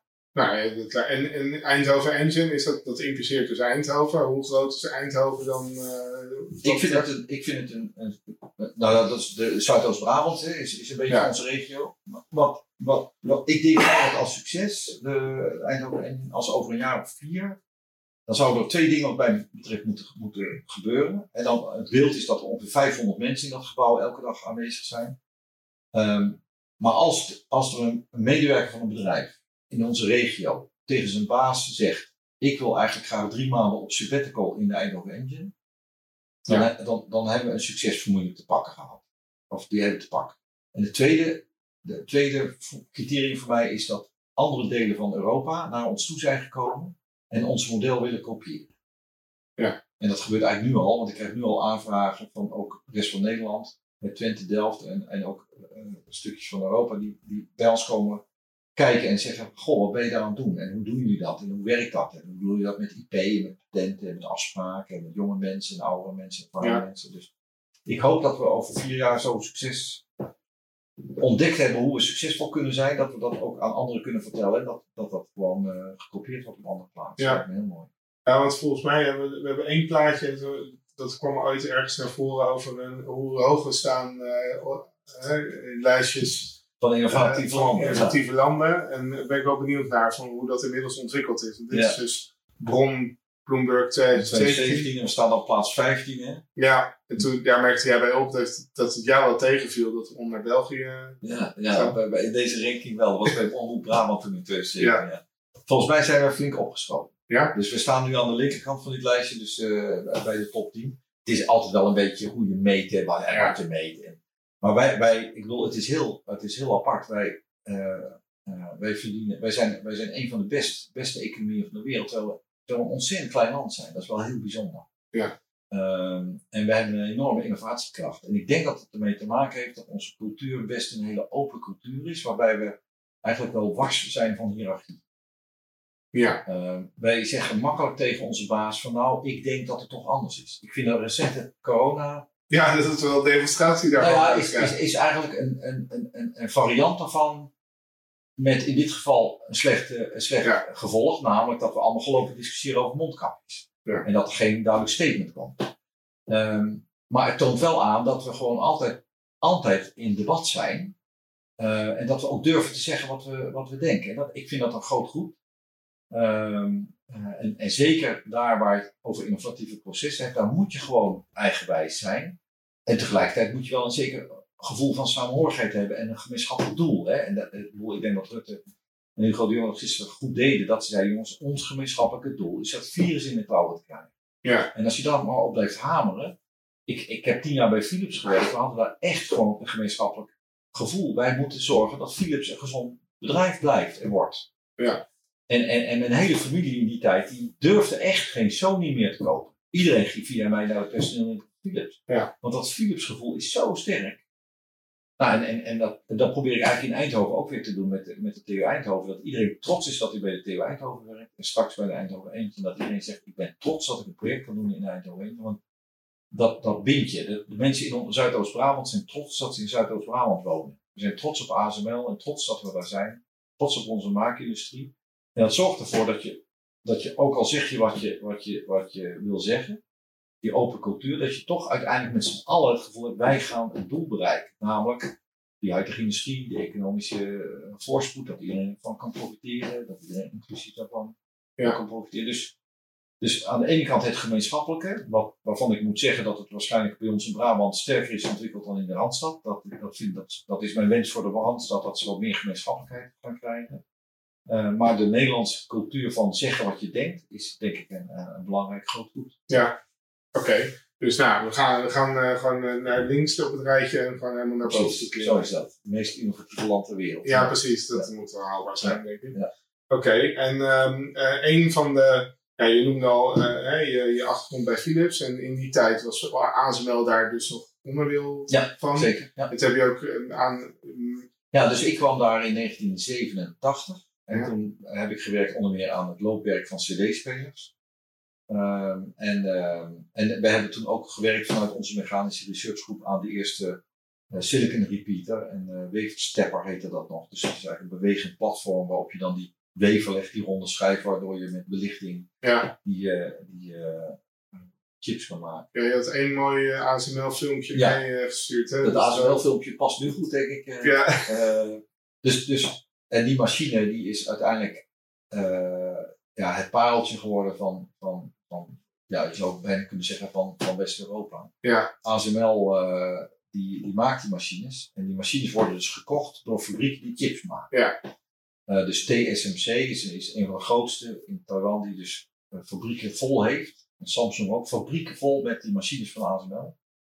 En eh, daar leg je dus die, die schijf in waar je dan die, die chips op maakt. En die schijf wordt belicht door, eh door paarse lamp. Met, met veel Nee, dat is een goede instart. Is dat de, de eh, NXE? ja, de NXE, precies. Helemaal goed. Ja, Ja, nu bij. Ehm, ja, en dat is een machine die is dus ho- hoger dan een mens. Ik denk, ik denk dat die twee meter bij, eh wat zal die zijn, acht meter lang is of zo. En je ziet in dat, in dat paars, voor de mensen die op beeld hebben, zie je die, die lichtbundel. eh, zie je eh, gaan van de bron via de dia. Dus bovenin de machine zit eigenlijk de dia. En die bevat het beeld van die chip die je onderop in die wever wil maken. En de nauwkeurigheden die je moet halen tegenwoordig. hè, de, de- je iPhone zit, hè, of je smartphone zit helemaal vol met chips. Hè, en er, zit- er zitten ontzettend veel mil- miljoenen schakelingen op zo'n chip.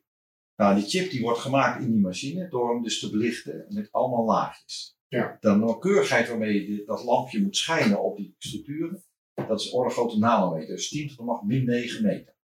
Dus een miljoenste van een eh, eh, duizendste van een eh, millimeter. Ja. Dan zeg ik het goed, hè? Nee. Een miljoenste van een millimeter, ja, zo is het. Ik geloof- ja. Het is een duizendste van een micrometer. ik geloof die eerder ook. precies. Maar, En, ehm, dus, dus dat is zo nauwkeurig. En je wil ook niet dat die schijf er heel lang onder staat om dat heel nauwkeurig te doen. Want dat zou best wel relatief nog te doen zijn. En je laat hem heel, heel rustig staan en dan belicht je een keer. Dan ga je heel voorzichtig naar de volgende en dan belicht je de volgende. Nee, want dan wordt jouw smartphone onbetaalbaar. Ja. En we willen allemaal goedkope elektronica hebben. Dus die schijf moet heel snel bewegen, terwijl die toch ontzettend super nauwkeurig is. Nou, die combinatie, die vergt, die vergt dat eigenlijk de de de mechanica ontzettend goed ontworpen is. Dat de elektrotechniek, die elektromotoren helemaal ruisvrij zijn met de Franse elektronica. Dat de optische meetsystemen echt perfect zijn, de elektronische meetsystemen perfect zijn. De temperatuurhuishouding op millikelvin nauwkeurig. Moet die temperatuur geregeld worden, want alles vervormt. Uh, anders vervormt alles. Dus alle fysica die je kan bedenken moet perfect zijn. En er moet ook nog eens een hele bak software overheen die dat allemaal goed weer bestuurt. Onvoorstelbaar complex. Ja. Onvoorstelbaar complex. Daarom is ASML de nummer 1 in de wereld. Sterker nog, zij hebben 90% van de wereldmarkt voor dit soort machines. Ja. 90%, 95%. Ze zijn nummer 1 in de wereld. En deze machine is de meest moeilijke stap in het maken van IC's. Dus de meest moeilijke stap in het maken van computers, smartphones, tablets, slimme dingen. De meest moeilijke stap wordt gemaakt op deze machine. Ja. Dus ik zeg ook wel eens voor de, voor de grap, de, de technologie in de wereld wordt niet bepaald in Silicon Valley. De toekomst wordt niet bepaald in San Francisco, de toekomst wordt bepaald in Nederland. Veldhoven. En, en, en, en eigenlijk in Eindhoven of in, in, Veldhoven. Ja. Aan de run en, en, uh, en alle toe, toeleveranciers die daarvoor ja. mede verantwoordelijk zijn, natuurlijk inclusief Zeiss in, in Duitsland. Dus, dus het is heel bijzonder dat we die maakindustrie hebben. En het interessant is als je nadenkt, waardoor kunnen we dit nou? Dat heeft eigenlijk met twee dingen te maken. Ten eerste, omdat we die, die cultuur hebben van zeggen wat we denken, kunnen wij systeemintegratie doen. Want je kan je voorstellen, als, het zo nauwkeurig moet, het is zo moeilijk om al die fysica bij elkaar te hebben. De werktuigbouwers, elektrotechneuten, softwaremensen, natuurkundigen. Ja, dat kan alleen maar, dat integreren kan alleen maar op zo'n hoog niveau als je echt ook een hele goede communicatie met Ja. elkaar hebt. Dat is één, dus systeemintegratie, systeemdenken. En het tweede is, we hebben een enorme historie eh, vanuit Philips. Eigenlijk nog vanuit de, de fabrieken waar de lampjes werden gemaakt. In de 50 jaren van de vorige eeuw stonden in heel de wereld de lampenfabrieken van Philips. Gloeilampjes maken. Ja. En die, en, die, en, die, en die productiestraten moesten natuurlijk steeds sneller gaan, want ook de lampjes moesten goedkoper worden. En op een gegeven moment konden die mechanische overzettertjes die ze bedacht hadden om dus de, lampenvoetjes te printen en dat weer erop te zetten en de gloeidraadjes erin te doen. Ja, die konden dat niet meer aan. Dus toen, toen is er een hele lijn binnen Philips ontstaan waarbij mensen dachten, oké, als ik dat nou kan meten en ik kan met een stukje simpele eh, elektronica kan ik dat ook regelen, dan kan ik dus dat elektronisch maken. Dan kan ik servosystemen maken, dus geregelde motoren. Ja. En die, dat gaan van een stukje pure werkgebouw naar werkgebouw plus elektro. En dus later ook, ook eh, rekenkracht erbij. Dat noemen we mechatronica. Dat is mechatronica, het woord mechanica en elkaar. Dat is geboren bij de automatisering van de lichtfabrieken van Philips. En dat is later gebruikt ook bij die CD-loopwerken, de optische loopwerken. En dat in een NatLab in combinatie met Philips CFT, het Centrum voor Fabricatietechnologie. Die waren verantwoordelijk voor de productielijnen.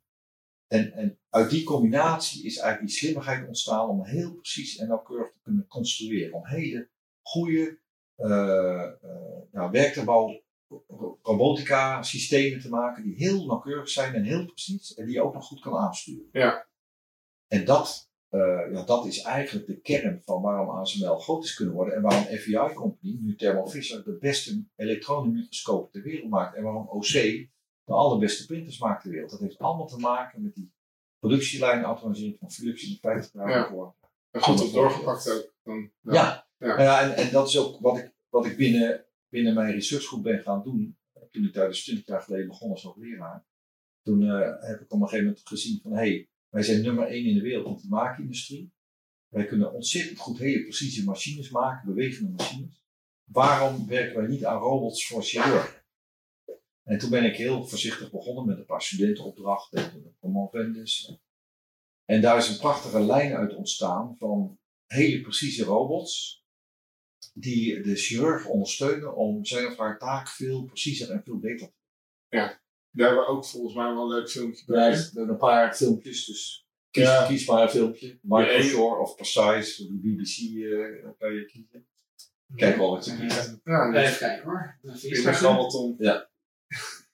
Nou, dit is eh, BBC. Ik, ik ga even mijn mond houden, want het is wel leuk om er even naar te Ah, luisteren. Oké, okay. ik even mee luisteren. Deterioration of sight in my right eye is progressive. Until now, it's really. Bill Beaver is going blind in one eye. If, if for example, I take a book and, and I cover my left eye, which is still good, All I see is mush. His central vision is completely gone. But that's about to change at Oxford's John Radcliffe Hospital. In theatre, the surgeon uses a joystick to move the robot arm, which has a thin needle attached.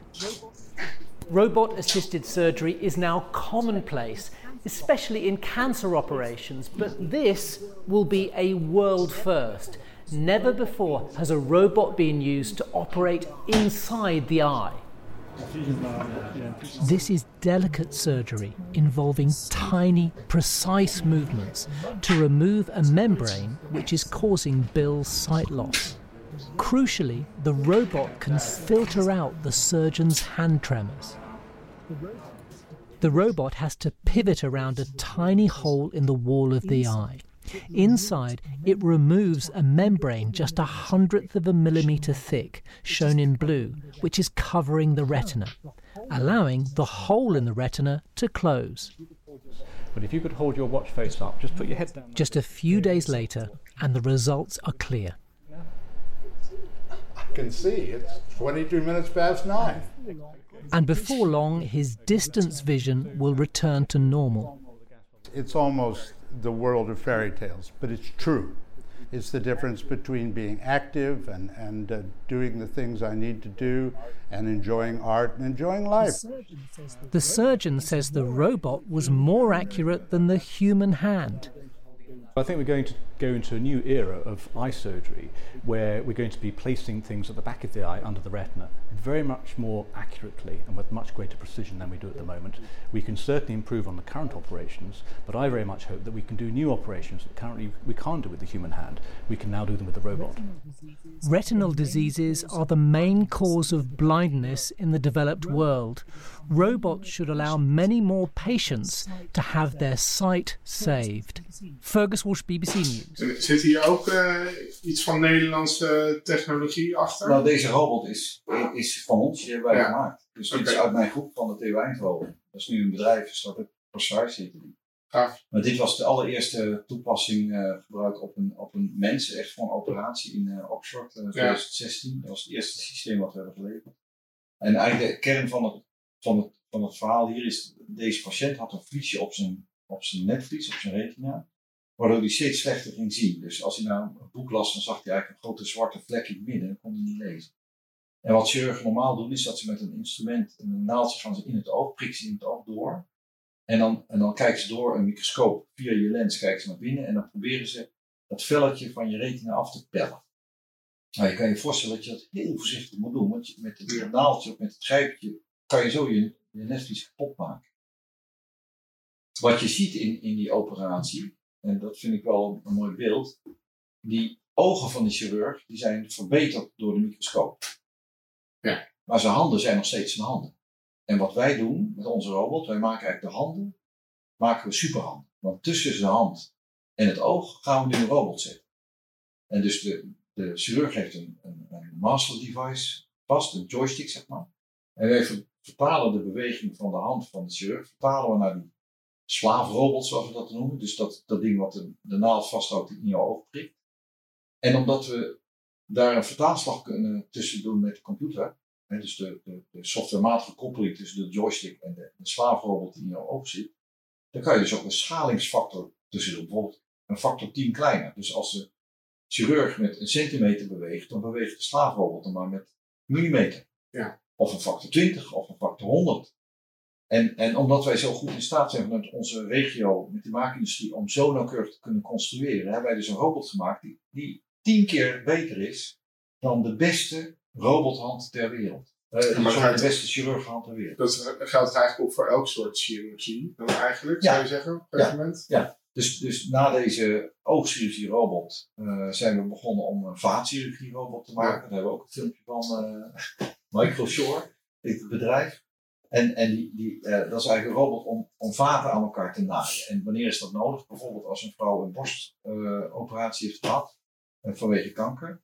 Dan halen ze soms bij sommige eh, toepassingen om de borst weer te reconstrueren, halen ze een stuk levend weefsel uit de, bijvoorbeeld de buik. Of ze halen vanuit de achterkant, klappen ze een spier naar voren, maar ook eentje uit de buik. En dat stoppen ze dan op de borst, maar dan moet je natuurlijk zorgen dat dat weefsel blijft leven. Dus je moet bloedvaten aan elkaar Ja. maken. Nou, die bloedvaten aan elkaar maken, heb je hem gevonden? Ja. Doe maar. hè? Ja. Want er zit geen geluid bij hoor. Dus Ah, oké. Je ziet hier, eh, voor de mensen die kijken, dus een, een chirurg die heeft ook die joysticks vast. Ja, dit vond ik daar echt een heel indrukwekkend Ja. beeld. En, en, en die, die instrumenten die volgen dus wat de chirurg doet, maar dan kan je dus ook weer een schalingsfactor tussen stoppen. Maar je kan ook de trillingen filteren van de chirurg. Dus als een chirurg net een beetje trilt, omdat hij moe is of te veel koffie kan je dat helemaal eruit filteren. Ja. Dus die, die instrumenten die je hier in het midden ziet, die zijn in staat om dus heel nauwkeurig te naaien. Nauwkeuriger dan die chirurg zelf. Dus onze eerste vaten die we aan elkaar naaiden, dan moet je dus twee vaateinden tegen elkaar aanleggen en dan zes of acht hechtingen rondom er doorheen doen. Die vaten waren 2 of 3 mm diameter, dat is al best heel klein. En normaal kijkt dus een, zo'n microchirurg kijkt door een microscoop. Hè. Opnieuw zijn zijn ogen dus veel beter geworden. Ehm, en, Ja. Maar zijn handen niet. Nou, wij maken zijn handen eigenlijk tot superhanden. En je ziet hier dat we het zo ontworpen hebben dat hij zijn standaard instru- instrumenten kan blijven gebruiken. En heel veel artsen vinden dat toch wel heel fijn, want daar zijn ze vertrouwd mee. Maar we klikken die dan wel in die slaafrobot, waardoor hij zijn normale instrumenten toch veel nauwkeuriger kan gebruiken. Ja. Nou, we, zijn, eh, we hebben geleerd van de proeven die we in Maastricht hebben gedaan, dat, eh, dat we het zo goed kunnen doen. Je ziet hier die, die vaatjes die aan elkaar gegeven Ja, worden. ja. We kunnen dat zo nauwkeurig doen, dat we ook zijn gaan kijken naar nog veel kleinere vaten. En we kijken nu naar lymfevaten. Dus eh, hè, vrouwen bij- wie de lymfeklieren ook zijn weggehaald, die kunnen last krijgen van lymfedeem. Dus dan krijgen ze echt hele dikke armen en dat gaat niet zomaar weg. Dat gaat eigenlijk niet weg. Om het even genderneutraal te maken, mannen die een prostaatoperatie hebben gehad waarbij de lymfeklieren ook weg moesten, die krijgen dikke benen. Dat is heel vervelend in je dagelijks leven. Dus echt de quality of life gaat naar beneden. Nou, bij die armen is het zo, bij die vrouwen, dat je dus als je op meerdere plaatsen de lymfevaten kan verbinden aan de bloedvaten, dat die drainage, de afvoer van te veel vocht weer op gang kan komen. Zo'n lymfevat is maar 0,3 mm diameter. Dus, dus ik zeg altijd tegen mensen, eh, stel je voor je bent spaghetti aan het koken. Als je nou één spaghetti sliertje uit de pan neemt die gekookt is, hè, dan hangt die zo slap aan je hand. Een spaghetti sliertje heeft een diameter van ongeveer 3 mm. Ja. Als je daar een tiende van neemt, een tiende van neemt, dat is de dikte van een lymfevat. En dan moet jij proberen om dat lymfevat te naaien aan een bloedvat. Ja. En dat dat dan ook nog open blijft, zodat dat, dat lymfe er doorheen kan stromen. Nou, dat is de taak die zo'n microchirurg heeft. En er zijn er die dat kunnen. Die dus door een microscoop kijkend hun landen zo stil kunnen houden. Dat ze een lymfevat van 0,3 mm diameter kunnen vasthechten aan een bloedvat. Ja. Nou, met onze robot van Microshore zijn, zijn eigenlijk minder goed getrainde artsen ook in staat om dat zelf te doen. Ja. Nou, dat is natuurlijk heel interessant. Dus dit, dit eh, product is, is geland in een, eh, in een tweede start-up, Microshore. En Oké. we, we hebben nog een derde, daar hebben we nog geen filmpje van, een derde start-up die heet Eindhoven Medical Robotics. En daar maken we een botrobot, die dus kan botfrezen in je hoofd, om daar bijvoorbeeld gehoorimplantaten eh mee eh, in je hoofd te kunnen zetten.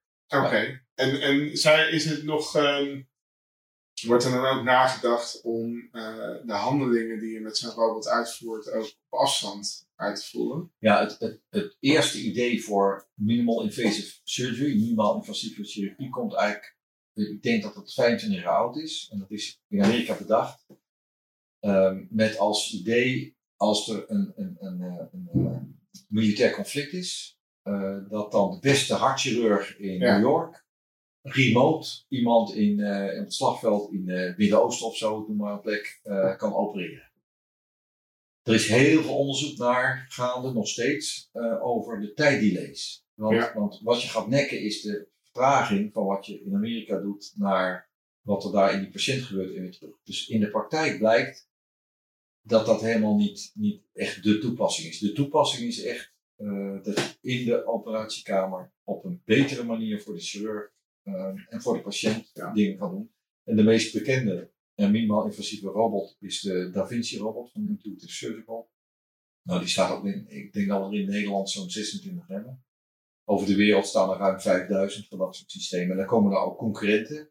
En die worden bijvoorbeeld vooral gebruikt, al die, al die systemen worden gebruikt voor uh, dus borstoperaties en ook buikoperaties. Prostaten zijn heel populaire uh, aandoeningen om dus prostaatverwijdering met die Da Vinci te doen. Ja. Want een prostaat, ik heb wel eens een filmpje gezien, dat best wel, zo'n prostaat is heel wild gegroeid en je ziet in de, in de weefsel daar tegenaan. En dan moet je dus eigenlijk helemaal precies, die randjes helemaal precies afsnijden om te voorkomen dat er weefsel achterblijft. Dat is een heel delicaat dus werk en dat ko- kost dus best wel een paar uur. En zo'n chirurg die zit daar dus een paar uur helemaal geconcentreerd te kijken en heel nauwkeurig te werken. En als hij dat met de hand doet, is dat, is dat heel ingewikkeld. Nou, zo'n Da Vinci robot bijvoorbeeld, daar zit zo'n chirurg heel ontspannen met een paar joysticks. Ja. Kijkt hij met een, met een 3D-bril kijkt hij naar een eh, 3D-scherm. En zit er heerlijk ontspannen eh, te opereren. Dus voor de ergonomie van de chirurg is dat heel, heel goed. Nou, onze robots gaan een stapje verder. Want onze robots die zijn niet alleen ergonomisch voor de chirurg beter, maar onze, onze robots die maken echt gebruik van die high-tech maakindustrie. Onze Ja. robots zijn veel preciezer. Ja. Dus hè, die, die oogchirurgie robot kan echt, dan kan die chirurg bij dingen doen die hij nog nooit heeft gekund. En hetzelfde geldt voor de vaatchirurgie. En in de toekomst hoop ik ook hetzelfde voor die botchirurgie. Ja, dus eh, ja, dit zijn ook goede. eh, ik heb me- meestal als eh, mensen nadenken over robots, dan hebben ze toch over het algemeen meer de, de artificial general intelligence eh, voor ogen. Oftewel een compleet zelfdenkend en zelfbewegend eh, systeem. Ja, dat is nog wel eventjes voor ons, denk ik, voordat we dat. eh, Ja, weet je, industriële robots bestaan al heel lang. Ja. De- ik zeg vaak, de, de VDL netkarfabriek in Born, die, die heeft, die heeft eigenlijk een enorme hoge graad van automatisering. Die gebruiken heel veel robots om die BMW's daar in elkaar te zetten. En, en dan zeggen mensen als, ja, dat kost op baan. En dan denk ik, nou, er werken daar 6000 mensen. En meer dan ooit tevoren. Dus hoezo banen? Eh, Ja. Alleen de productiviteit is hoger, dus je maakt met z'n allen veel meer auto's tegelijkertijd. Maar daardoor kan je, heb je ook wel weer meer mensen nodig voor de hele logistiek en voor Ja. onderhoud en alles. Dus, ehm, dus die robots die zijn al heel lang. Industriële robots bestaan al heel lang. Heel veel mensen hebben thuis een stofzuigrobot, Ja. een zwembadrobot of een gasbaairobot.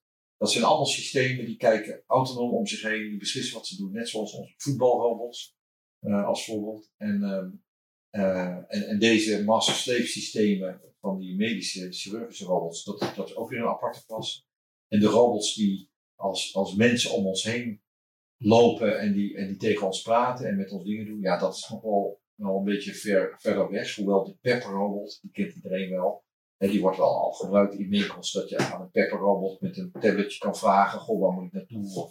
Ja. eh, dat Pepper robot jou vraagt, wat kom je doen? En eh, dat zijn natuurlijk een beetje vergelijkbaar met de chatbots die we ook op software zien. Ja, oké. Maar, ehm, ja, maar goed, dus er zijn voldoende goede toepassingen. En de, ja, ik, ik heb trouwens, als ik aan robots denk, heb ik vooral, eh, en jij noemde Heur als film. Ja. Ik heb dan Ex Machina ook Ja, vooral ja, eh, gedacht. En dat Ja. is een beetje vergelijkbaar, denk ik. ja, prachtig. Kijk, er zijn heel veel films die allemaal doemscenario's zijn. Want dat is wat, wat ons natuurlijk trekt als mensen, als we kijken, omdat we het eng hebben. Ja. Eh, alle rampenfilms zijn natuurlijk ook dat scenario.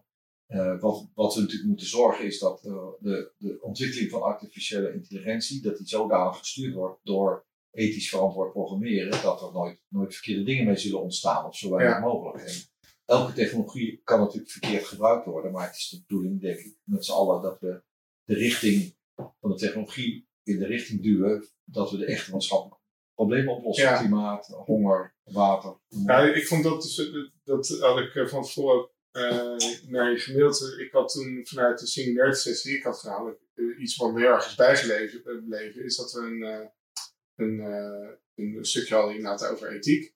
Ja. En eh, toen ging het over eh, het gebruik van artificial intelligence in de rechtspraak. Ja. En dan niet zozeer de, de uit- uiteindelijke conclusie of iemand schuldig is, ja of nee. Ja. Maar vooral voor het bepalen van de strafmaat. Dus eh, over, overwegende alle feiten Ja. die, die kennelijk zijn, zijn bewezen. Ja. En Wat zou dan de, de goede strafmaat zijn?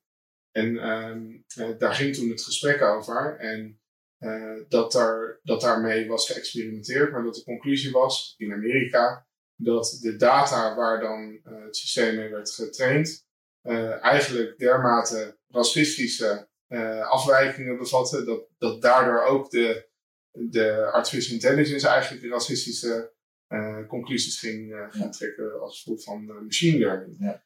En ehm, dit is volgens mij ook wat bij veel mensen eh leeft nu, is het idee van ja, eh, op het moment dat je het systeem gaat, gaat trainen op basis van ja, historische gegevens, dan zit daar bijna altijd een bepaalde bias in die, eigenlijk, die je er eigenlijk niet in wil hebben. Dus Ja. ja, is het dan wel mogelijk om een dataset eh, te hebben die, die zuiver genoeg is, dat, daar, daar niet in zit. Ja. En ik, wat ik toen heel erg grappig vond, nou ja, we hebben wel een denk gezet, is dat die groep hè, bij Symbiote University, in geval deze sessie, komen mensen van over de hele wereld komen naar Silicon Valley voor die training. Dus er zaten ook heel veel Zuid-Amerikanen. En die zeiden van nou, bij ons is racisme, in ons land is racisme helemaal niet een probleem in de rechtspraak. Wat bij ons een probleem is, is eh, corruptie. Ja. Dus voor ons zou eh inderdaad artificial intelligence een, echt een oplossing eh, opleveren voor, eh, om de corruptie te bestrijden. Want dan hebben we gewoon een systeem waarop we kunnen vertrouwen die op een eerlijke manier oordeelt. Ja. Eh, en die waren eigenlijk min of meer toch wel een beetje verontwaardigd en pissed off. Ja. Dat de Amerikanen ja, maar besloten dat, dat de door- doorontwikkeling van zoiets eigenlijk niet, door, niet kan, omdat er geen goede data is. Ja. Hè, dus die waren echt wel verontwaardigd daarover.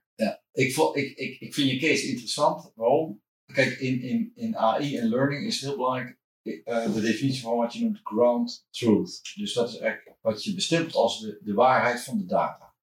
Dus wat je moet doen met een, een lerend systeem is dat je gaat dat, je gaat dat data instoppen. En die data moet gevalideerd zijn.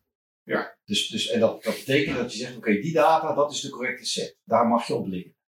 En, en je hebt ook wel eens dat je wil inloggen in een website en dan moet je laten zien dat je geen robot bent en dan moet je aanklikken welke verkeersborden je ziet. Bijvoorbeeld. Weet je dat? Ja, ja, ja. Ik denk dat die data door Google bijvoorbeeld wordt gebruikt om hun Ja. autonome auto's te trainen. Dat die gewoon altijd weten, oké, de ground data, de echte data is dat dat en dat en dat is onderdeel van een verkeersbord. Ja. En dat is een zebra en dat niet. Dus als in Amerika er een, een, een, een, een, een dataset is uit de rechtspraak. Het is overigens ook bekend van sollicitanten. Hè, van het solliciteren dat, Ja. dat, dat daar gewoon een bias in zit. Omdat in de praktijk blijkt gewoon dat er een bias is. Ja. En als je die praktijk kiest als uitgangspunt, ja, dan krijg je een repetitie van die praktijk. Dat is wat me bevreemdt in jouw casus. Want als je in Zuid-Amerika, in die landen, de, de echte data gebruikt, dan is die ook beïnvloed door de corruptie. Ja. Dus dan is die ook niet goed. Ja. Dus ik denk dat in die rechtspraak, maar overal waar je data gebruikt, het heel belangrijk wordt. En, en in Nederland leggen we daar heel bijzonder veel aandacht aan. En wij noemen dat re- ehm, eh, responsible AI. Dus dat we een explainable AI, dat je dus de, de AI-getrainde algoritmes kan uitleggen. Dat je kan uitleggen waarom ze keuzes maken. Ja, maar is die explainability niet juist het probleem? Ja, precies. Dus, dus wij doen daar onderzoek naar van hoe je de datasets kan oormerken en hoe je kan zorgen dat je kan uitleggen dat jouw AI-systeem dat antwoord geeft en waarom niet. In een ander geval. Dus, dus, en ik denk dat dat een hele belangrijke ontwikkeling is waar we echt goed naar moeten kijken. Ehm, want ik, ik geloof stellig dat heel veel processen te automatiseren zijn. Een voorbeeld is de rechtspraak. Want daar zit helemaal, heel veel repeterend gedrag in.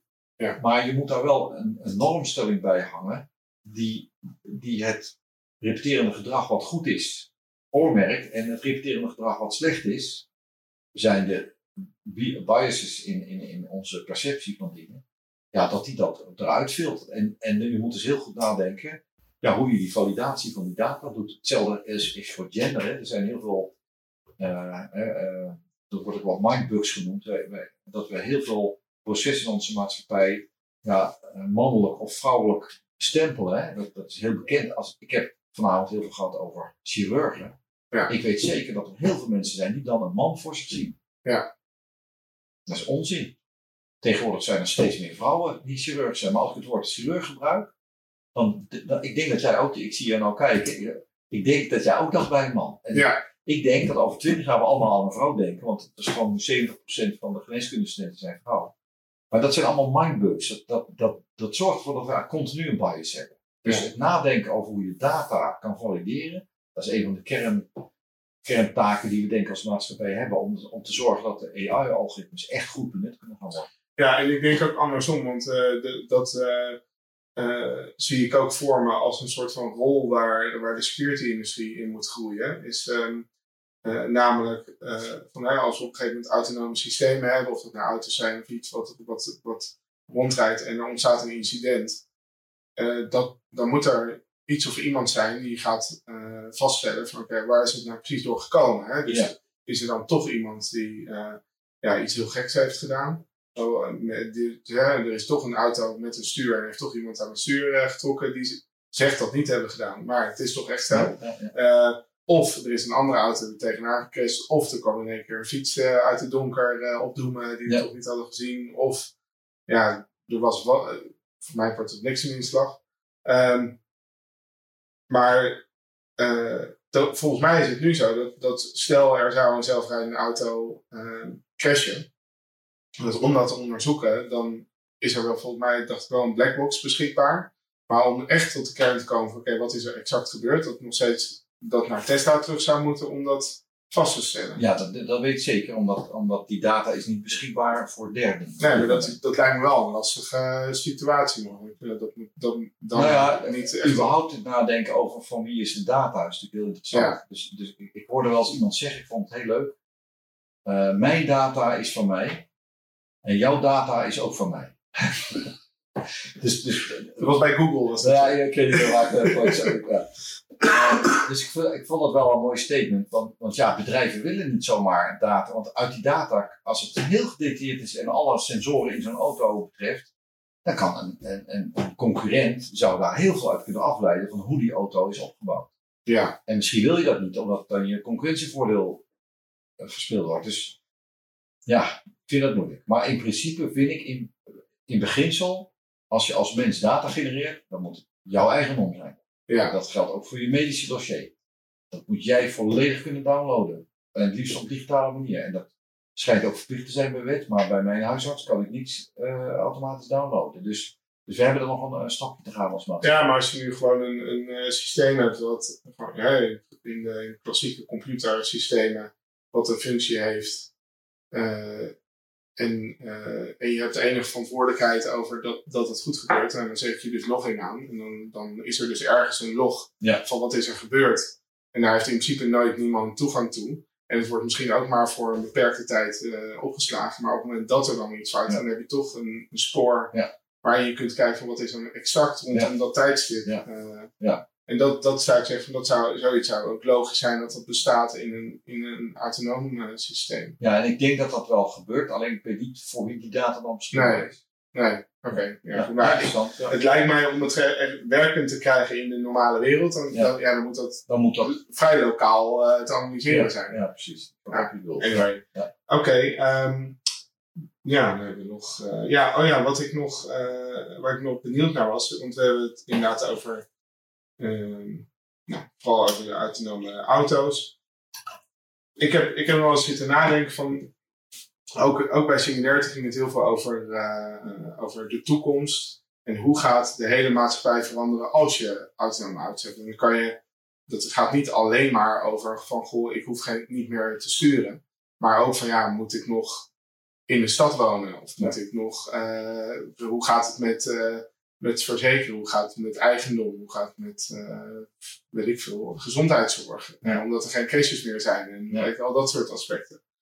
Dus dat vond ik heel erg interessant. Maar ik dacht ook van, tegelijkertijd is er ook een hele VR-ontwikkeling gaande, virtual reality. Dus ik denk dat de meeste bewegingen die er nu gemaakt worden, nog door mensen zijn van huis naar werk. Ja. Eh, maar zou het niet ook denkbaar zijn dat, dat dat op een gegeven moment helemaal niet meer nodig is? En dat, je, dat de VR zo'n eh, vlucht Ja. neemt, dat je een soort van meer in de virtuele wereld Ja. je ding doet als mens. Ja, mijn, mijn eh, columnist, collega uh, Carlo van der Weijer, die, die heeft dat wel eens uitgezocht en hij, hij kijkt terug naar de prehistorie. En dan blijkt onafhankelijk van het bruto nationaal product van een land, dus onafhankelijk van de economische status die een land heeft, blijken we door de tijd heen 1 uur en 6 minuten als mens, 1 uur en 6 minuten per dag te reizen. Oké. En dat lijkt dus een soort natuurwet te zijn, dat we blijkbaar 1 uur en 6 minuten gemiddeld per dag willen reizen. Er zijn reizigers, En- nomaden. Nou ja, eh, dus je kan je afvragen, stel dat je alles zo maakt dat je het vanuit thuis kan doen, zoals we nu verplicht zijn te doen, dan gaan mensen twee keer eh, een half uurtje met hond lopen. Dus Ja. we, we blijven behoefte hebben aan mobiliteit, vermoed ik. En het zou ook zomaar kunnen betekenen, als we, als we wel naar ons werk zouden kunnen, eh, en, en je veel snellere verbindingen zou hebben, dat we gewoon verder weg gaan wonen. En alsnog een half uur reizen naar ons werk, maar dan dus verder weg kunnen gaan wonen. Ik vermoed wel, met de verandering van mobiliteit en ook met de, met de introductie van virtual reality dingen. En ook dat je dus eh, eh, meer gaat thuiswerken. Zeker na deze coronaperiode verwacht ik dat we toch wel gewoon ja, gemiddeld twee dagen per week in veel boeken zullen gaan thuiswerken. ING is al zijn kantoor aan het sluiten, hè, want die hebben ja, dat werkt gewoon. Ja. Dat we, gewoon, dat we de, de, ontwikkeling die we zagen, dat iedereen naar de stad trekt. Ik vermoed dat we dat wel eens de komende 30 jaar zien omdraaien. Dat iedereen naar het platteland trekt. En dat kwaliteit van leven op het platteland gewoon door meer mensen wordt ervaren. Als dat het plezierig is. Ik had met jou een heel leuk gesprek van tevoren, omdat je je prachtig woont, je hebt in de stad gewoond. Ja. Ja, en je ervaart nu wat ik al een tijdje ervaar, dat het gewoon heerlijk is om de ruimte om je heen te hebben. En zeker in deze coronatijd. eh Ja. ik zou het niet fijn vinden. En ik heb, ik heb met de mensen die op een appartement zitten en daar thuis moeten werken. Zeker als je nog jonge kinderen om je heen hebt. Dus ik gun iedereen dat, dat plattelandsgevoel met ruimte om je heen. En dat, dat die, die digitalisering van de maatschappij, waardoor werken op afstand steeds eh, gewoner wordt, eh, die, die zal zeker een enabler zijn om, om verder weg te gaan wonen. Tegelijkertijd ken ik heel veel mensen die zo langzamerhand doodongelukkig worden van thuis te zitten. Eh, omdat het, de, de onverwachte ontmoeting ga je ook niet met VR krijgen. Dus de digitale means die we hebben, de digitale middelen die we hebben, die gaan niet de, koffie, de koffieautomaatmomenten vervangen. En dat, Ja. zijn, en dat zijn toch, dat geeft ons toch allemaal de jus. Misschien bij jullie minder omdat jullie al thuis werken met, met je eigen bedrijf, maar als je op de universiteit werkt of in een bedrijf, dan, dan, dan die momenten dat je opstaat, rondloopt, je collega ziet of een andere collega die je wat minder vaak ziet bij het koffieautomaat, even iets uitwisselt, dat prikkelt jouw brains weer op Ja. een andere manier. Ja, ik, ik, ik geloof, dat geloof ik ook. En eh, het enige is dat ik denk, ik, ik heb ook volgens mij ergens toen een keertje meegekregen dat, dat er wel eens een onderzoek gedaan was naar ehm, menselijke ervaring van, eh, van menselijk contact. Ja. Hè? En eh, wat, voor, wat voor signaaltjes eh, vuren er af in je hoofd op het moment dat je gewoon de interactie aangaat. Ja. Zo. Ja. En dat dan afgezet tegen hetzelfde, dezelfde interactie met mensen in een, in een, in een videogame. Oké. En dat, dat het eigenlijk hetzelfde is. Is dat zo? Ja. Maar je kan geen pheromonen ruiken. Hoe? Pheromonen. Oh.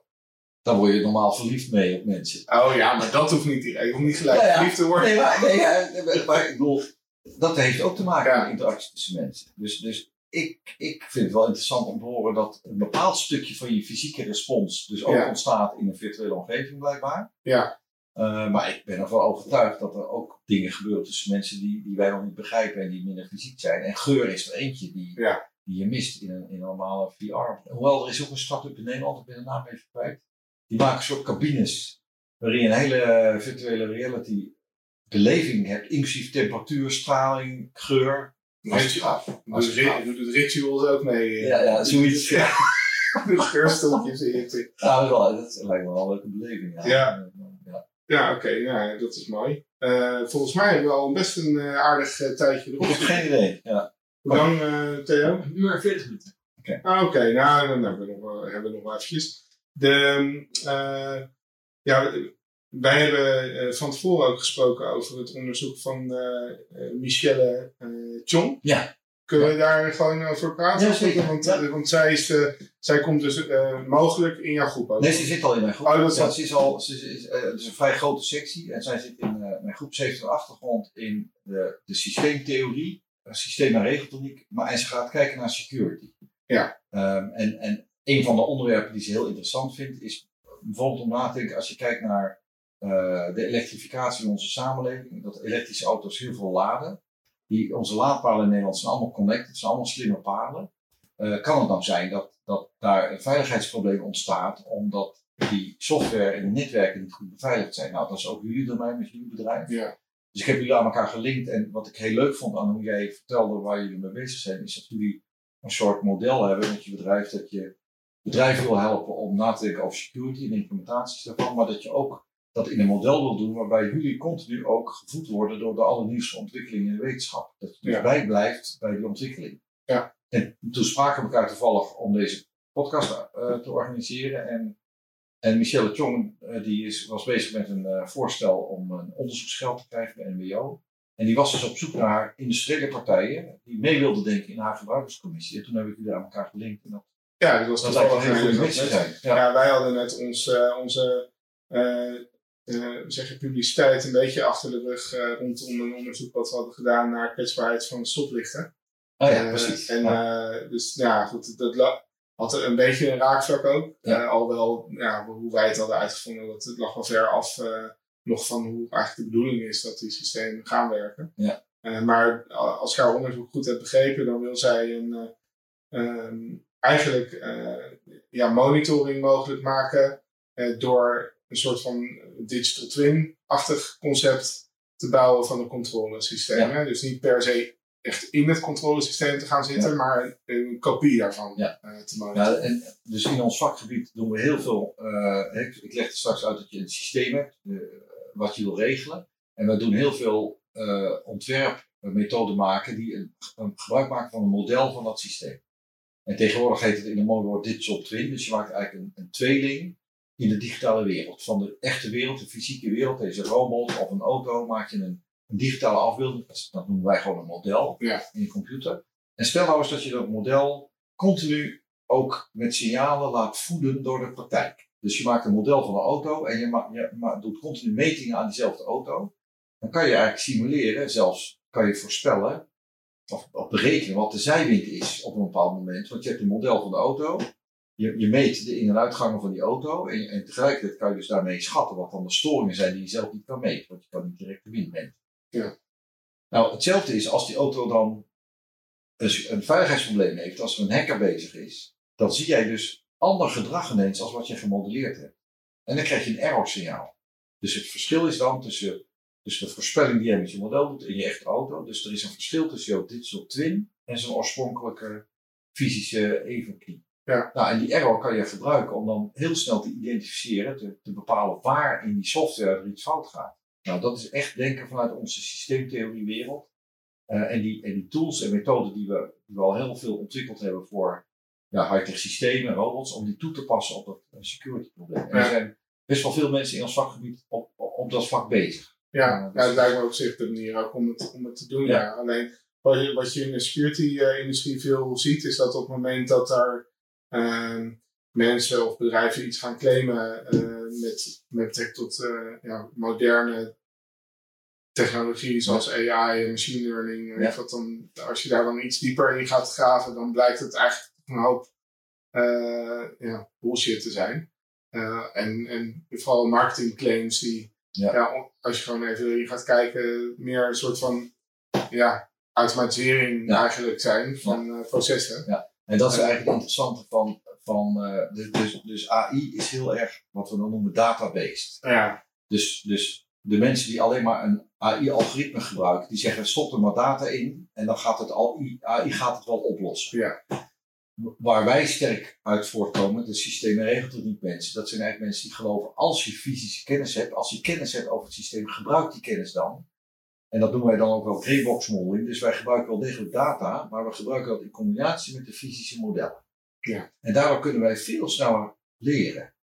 Dus, dus bij een echt AI-netwerk moet je wel, wel honderdduizend datapunten erin stoppen voordat er iets zinnigs uitkomt. Wij kunnen soms, als we een echt perfect model hebben, kunnen we gewoon in twee, drie iteraties convergeren. Veel Ja. sneller. Ja. En, en dat komt omdat we dus die, bestaande modelkennis benutten. Dus je weet gewoon een auto dat dat een, een, een wet van Newton systeem is. Hè? Een kracht erin, er komt een versnelling uit, het ding heeft een massa. Ja, dat hoef je niet je ogen voor te sluiten, hoef je niet te leren. Dat is gewoon een wetmatigheid van die auto. Ja. We hebben, ik heb laatst bij de Holst-lezing vorig jaar op de TU Eindhoven was eh, een van de Facebook-denkers die eh, AI doet bij Facebook. Die gaf een verhaal bij ons. En die zei, we hebben de afgelopen 50 jaar een ontwikkeling gezien van AI, een enorme boost. En hij voorspelde de komende 10 jaar gaat, gaat de, het denken over modellen, over digital twins in AI, gaat een enorme vlucht nemen. Want de, de hybride vorm, dus waarbij je en modellen en data gebruikt, hij zegt dat wordt, dat wordt de, de, de lijn van de, van, de, van de komende 10 jaar als ontwikkeling. Ja.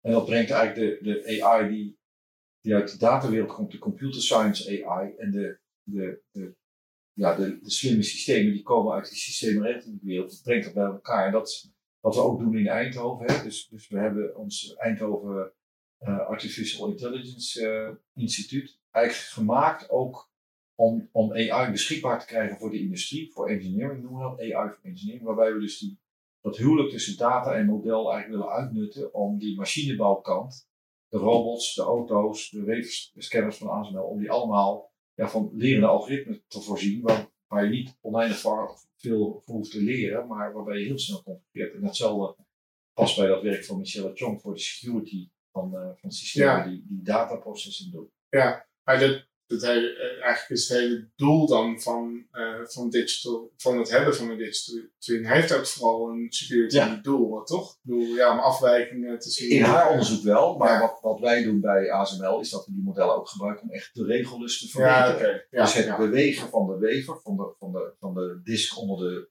dat kunnen wij gewoon nog eens een keer, twee keer zo nauwkeurig maken, omdat wij die beweging leren met modellen. hetzelfde doen we voor OC. Canon heet het tegenwoordig met zijn printers. We hebben in ons lab een hele grote printer staan, die we repeterend laten bewegen. En onze leeralgoritmes, die, die modelgebaseerd voor deel zijn, ja, die configureren heel snel. Dus na twee, na twee lijntjes printen is die al zo mooi. Dan kunnen we gewoon rechte hoeken printen. En tot voor kort zat er altijd wel een foutje in, maar bij ons is het gewoon kaarsrecht. En dat is gewoon, uh, ja, daar is OC Canon heel blij mee. Ja. Mooie, mooie technologie. En de, ik, ik heb zelf wel eens bedacht, hoe kan je niet gewoon een digital twin maken van een heel bedrijf? Van, ja, dat, dat is leuk dat je dat zegt, want ik, ik noem al even systeem en regeling kan je, op, kan je toepassen op alles. Ik begon ja met jouw menselijk lijfregeling. Een bedrijf kan je ook modelleren als een systeem met ingangen, uitgangen, regelaars. Dus natuurlijk, ja, je kan modellen maken van bedrijfsprocessen. Je kan zelfs modellen maken van hoe wij met z'n drieën als mensen in deze ruimte zitten en wat voor interactie we hebben. De kwaliteit van het maken van een digital twin heeft wel alles te maken met begrijp ik wat ik zie. En dat is wel heel moeilijk. Dus uiteindelijk kan je jezelf verliezen in het maken van een model, ook voor bedrijfsprocessen, als je niet precies afbakent wat het doel is van je model. Dus bij het maken van een model van een bedrijf moet je heel goed nadenken, wat is het doel waar ik het model voor wil gebruiken. Als het doel is veiligheid, security van IT-systemen, dan moet je daar, dat, gegeven dat doel, moet je nadenken, wat voor soort model past daar dan bij? Ja, en wat voor systeemgrens kies ik dan? Uh, het probleem waar, waar nu de meeste schade door ontstaat, eigenlijk heeft uh, minder direct te maken met, met uh, de echte techniek en het systeem, maar meer door misleiding van, van mensen. En, pretexting. En, ik denk dat je dat kan modelleren als, als storingen. Als, je kan zelfs die mens modelleren. En dan zou je kunnen nadenken, omdat je dat kan simuleren met dit soort in, zou je kunnen nadenken, wat moet ik op de interface herontwerpen om dat proces te verbeteren. Ja, dus iemand doet een, uh, iemand doet een uh, ergens in het bedrijf is iemand bevoegd om betalingen uh, te doen. En diegene wordt misleid door iemand die net doet uh, alsof hij de CEO is of de CFO. Ja. En gaat dan ineens een hele uitzonderlijke betaling doen naar ja. een van de vage rekening. Ja.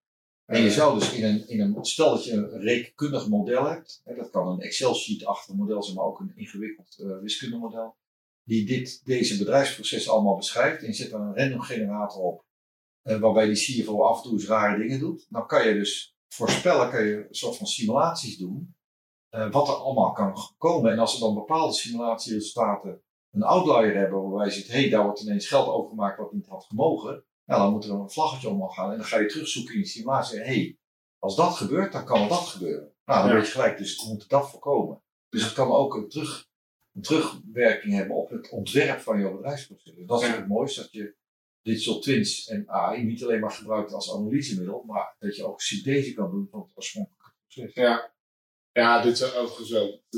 Het, het zou wel passen, maar je, je weet gewoon dat uiteindelijk dan is er, hebben ze dan toch weer een, een vrij brak betaalproces uh, bedacht, weet je wel. Wat, dan, ja. wat gewoon mooi overal langs en omheen fietst. Ja. Uh, dat, ja. Uh, dat is wel dat is dus de schadelijkste vorm van cybercriminaliteit. Yes. Is, is wat ze noemen CEO-fraude. Oh, ja? ja, zodat je gewoon. in Nederland is er een, een case geweest bij Pathé, geloof ik. En die vrij groot in de media ook is gekomen. Waarbij ja, gewoon de, de, de financieel directeur mee een, een, aantal transacties had gedaan in miljoenen euro's. Uh, in de veronderstelling dat, dat, dat dat gewoon een verzoek van, uh, van de directeur was. En dat, ja, dat, daar zijn ze helemaal niet alleen in. Dus dat, is heel, ja, dat is op zich wel een. Um, nou ja, het is gewoon een, een, een ontwikkeling waar die op zich wel logisch is. Het bedrijven worden steeds beter in het, in het technisch Ja. eh, beschermen van zichzelf. Ja. Eh, dus eh, gaan degenen die, eh, die geld willen stelen, gaan, Ja. gaan andere routes Ja, bedenken. ja, dat is via, via de mens. Ja. Dus, De mens is de zwakste schakel. ja, ja nou, dat, nou, dat was misschien altijd al wel zo. Alleen het, is nu in ieder geval zo dat, dat ja, iedereen nu wel zijn internetpoort dicht heeft staan. Tenminste, ja. er zijn nog steeds wel af en toe wat Ja. problemen op dat vlak. Interessant. Hey, en ehm, eh, was, waar ik ook wel benieuwd naar was, is dat eh, eh, je ooit hebt geroepen van we moeten ook Formule 1 eh, naar Eindhoven Ja. halen, maar dat lijkt volgens mij ook te gaan gebeuren. Ja, zeker. Ja, ja. Er, er, is, er wordt hard gewerkt aan een witboek.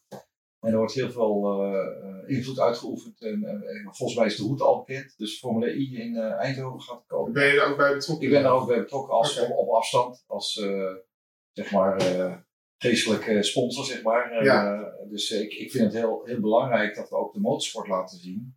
Dat de wereld in transitie is. En dat, eh, en dat, en dat racerij met elektrische auto's ook ongelooflijk gaaf is. Dat, dat geluid is niet noodzakelijk. Nee. En eh, ik denk dat het heerlijk is voor, voor de binnensteden om, eh, om racewagens te hebben die ook gewoon geen, geen eh fijnstoffen meer uitstoten en geen, eh, Ja. geen eh, luchtvervuiling geven, behalve dan de bandenswetage die nog steeds enorm is bij Formula eh, racewagens. Maar ehm, ja, ik vind het erg belangrijk dat we gewoon in alle, op alle fronten laten zien dat elektrificering gewoon de, de toekomst heeft. Ja. Overal, hè? bij fietsen, bij brommers, bij scooters, bij eh, vrachtwagens, schepen, op termijn vliegtuigen, dat wordt allemaal elektrisch. Het, is niet altijd gezegd dat het allemaal batterij-elektrisch hoeft te zijn. Een vliegtuig batterij-elektrisch, dat gaat voor de hele lange afstanden gewoon voorlopig echt niet gebeuren. Dat, daar zijn we echt heel veel verder voordat er echt in batterijtechnologie is. Ik geloof eerder dat we uit CO2 uit de lucht en waterstof eh, dan eh, kerosine gaan maken.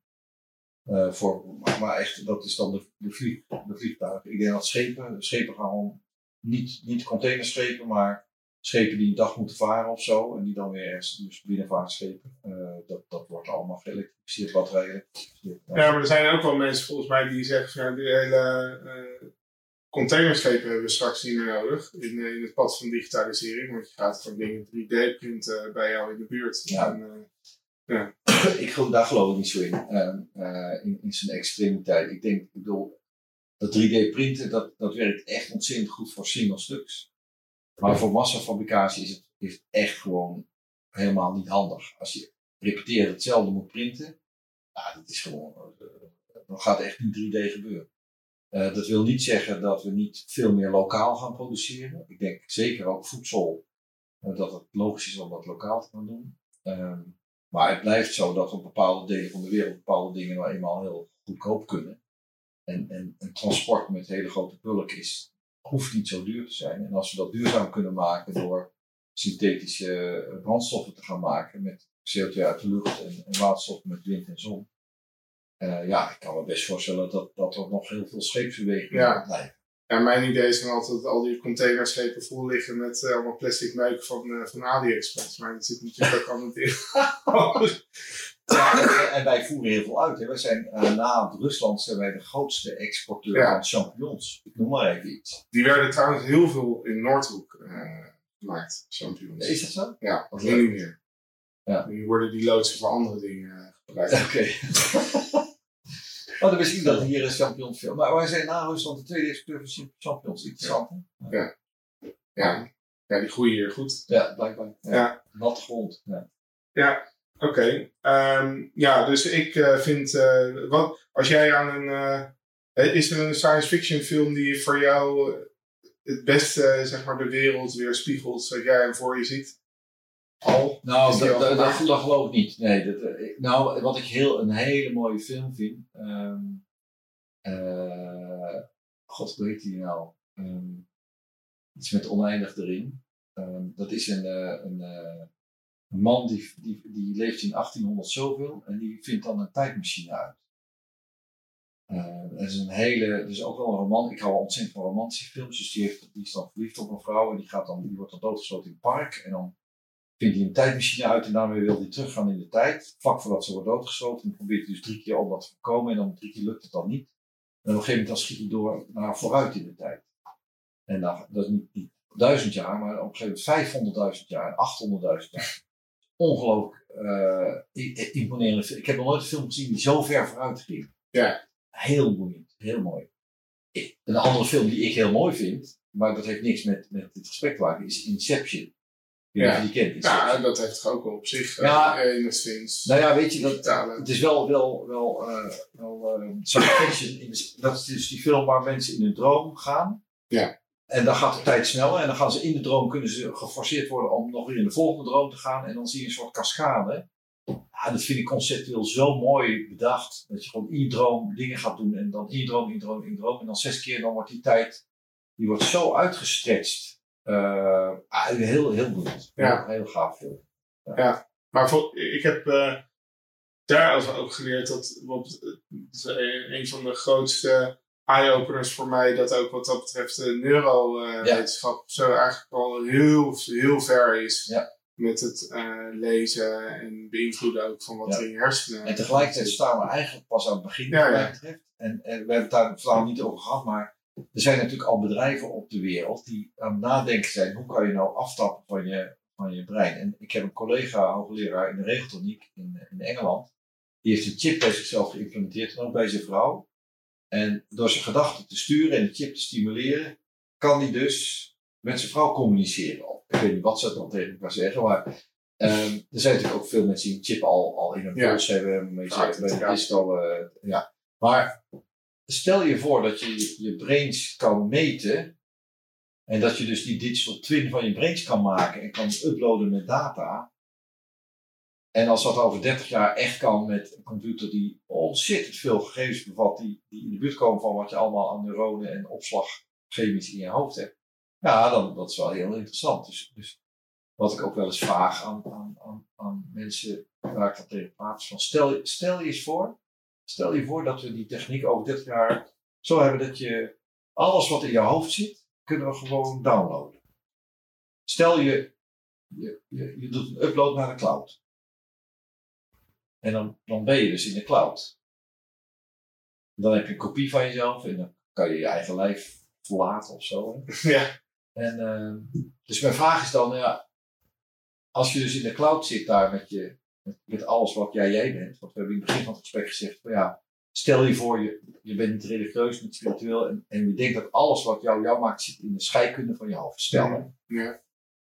En stel je kan het uploaden naar de cloud en, en iedereen kan dat doen, dan bestaat die cloud dus uit heel veel entiteiten die mensen zijn. Wat is dan het verschil tussen die cloud en de hemel? En stel nou eens, je bent, je bent daar in die cloud. Eh, dan kom ik op mijn tweede vraag. En eh, je ziet beneden op de aardbol zie je een, een, een persoon lopen zon- zonder inhoud. En je downloadt jezelf in dat lijf. Wat is het verschil met reïncarnatie? En ik heb nog een andere vraag, misschien aan het eind. Hè? Dus, dat is mijn, mijn pilletjesvraag. Stel, ik heb Blue pil en red pil. eh, Nee. Oh. nee, ik heb vier pillen. Stel, Oh, ja, de eerste pil is, ehm, eh, als je die neemt, kan je een nieuwe taal spreken. Ja. Je mag zelf kiezen welke taal, geen bijwerkingen, pil is gratis. Zou je die pil nemen? Ja. Nou, ja, Ja. denk ik hè? Jij ook? Ja. Ik ook. Ja. En eh, ik heb een tweede pil, als je die neemt, dan blijf je gezond. Ja. Simpel is dit. Zou je die nemen, die pil? Ja. Nou, natuurlijk hè. Een derde pil, als je die neemt, dan word je onsterfelijk. Ja. Zou je die pil nemen? Nou, ik, ik kende de vraag natuurlijk. Ik heb Ja. er ook over na, maar ik zeg ja. En jij? zeg ja. Ja, ook. Ja. Ja. Leuk hè? Ja. ja, maar er was in die zaal. Van mijn publiek hè, is Ja. typisch 10% zegt ja en 90% zegt nee bij deze vraag. Ja, dat vond ik zo opmerkelijk. Ja, omdat je zou zeggen van ja, het ultieme waar je bang voor bent in je leven is dat je doodgaat. Ja. En bij deze vraag is eigenlijk het ultieme waar je bang voor bent, is dan misschien dat je niet gek hè? Ja. Ik heb een vierde pilletje. Oh. En als je die neemt, dan ga je dood. Ja. Als je, als, ik, als je nou zeker weet dat ik voor jou het vierde pilletje heb, zou je dan wel het derde pilletje nemen, zeg ik dan tegen de mensen die eerst nee zeiden. Het derde. En dan gaat ongeveer de helft van de handen omhoog. Ja. Dus dat betekent dat, we, dat mensen willen wel experimenteren, maar ze willen wel een veiligheidsclip hebben. En Ja, dan, en dan zeg ik altijd, ik heb goed nieuws, het vierde pilletje hebben we al. ja. Ja. Dat derde pilletje, en ik, ik raad eigenlijk altijd iedereen aan van, van neem deze vraag eens mee naar huis. Praat er eens met je partner over, of met je gezin. Pilletje 1, nieuwe taal. Pilletje 2, gezond, pilletje 3 oneindig leven, pilletje 4 dood. Waarom zou je wel of niet oneindig willen leven? Wat doet dat met je beleving over waartoe we op aard zijn? Wat, wat, en, en mijn vrouw en ik hebben er ook lang over gepraat. En, en, en, onze conclusie was, ja, we zouden eigenlijk wel oneindig willen leven, maar wel samen. We hebben het heel fijn samen. En we zouden bijvoorbeeld na pensioenleeftijd zouden we 20 jaar pauze nemen en dan zouden we iets nieuws gaan bedenken om te gaan doen. Iets, wat we dan leuk vinden. Maar we zouden wel een tijd lang pauze nemen. En dan doen we dan nu pensioen, maar 20 jaar pauze. Ik heb toen ik 15 was het boek gelezen van Simone de Beauvoir. Uh, de onsterfelijke mens, of zo heette dat, geloof ik. Uh, een heel bijzonder boek. Dat, dat, gaat over een man en die is 800 jaar oud. En hij is samen met zijn muis. En die muis is ook onsterfelijk. En hij is onsterfelijk. En voor de rest is iedereen in dat boek sterfelijk. En die man is na 800 jaar helemaal depressief. Want al zijn geliefdes zijn doodgegaan. En hij zegt, ik wil gewoon dood. Maar hij kan niet dood, want hij is onsterfelijk. Ja. Dat boek heeft heel veel indruk op mij gemaakt toen ik 15 jaar was. Ik weet nog zo dat ik dat las. En, uh, dus ja, ik zou wel onsterfelijk willen zijn, maar wel graag met mijn geliefde. Ja. ja. ja, maar dan weet je, dat weet je na 300 jaar ook niet of je daar nog zo over Dat weet ik niet, dat zie ik dan wel weer. Ja. Voelt al goed. Dus. Ja, precies. Maar het is wel gek. Er zijn echt al bedrijven, er worden al honderden miljoenen euro's gestoken in onderzoek naar longevity. Hè? Dan- Van, van, zou dat kunnen? En nogmaals, als je 30 jaar verder denkt, en we zijn zoveel verder met onze rekenkracht en met onze kennis en kunde van het menselijk lijf, van medicatie en personalized voeding en DNA, misschien wordt het wel mogelijk. Ja. En, en ik weet ook het antwoord niet, maar wat ik leuk vind is om na te denken over, stel dat het mogelijk is over 30 jaar. Dat betekent dat jouw kinderen en mijn kinderen, als ze onze leeftijd hebben, ja, die leven dan in die tijd. En, en die moeten dus keuzes maken die, die, die, die in een andere terwijl ze in een andere wereld leven over onsterfelijkheid en autonome auto's. En, Ja. en ik hoop dat het klimaatprobleem dan een stuk beter is opgelost. Als Ja. het nu lijkt.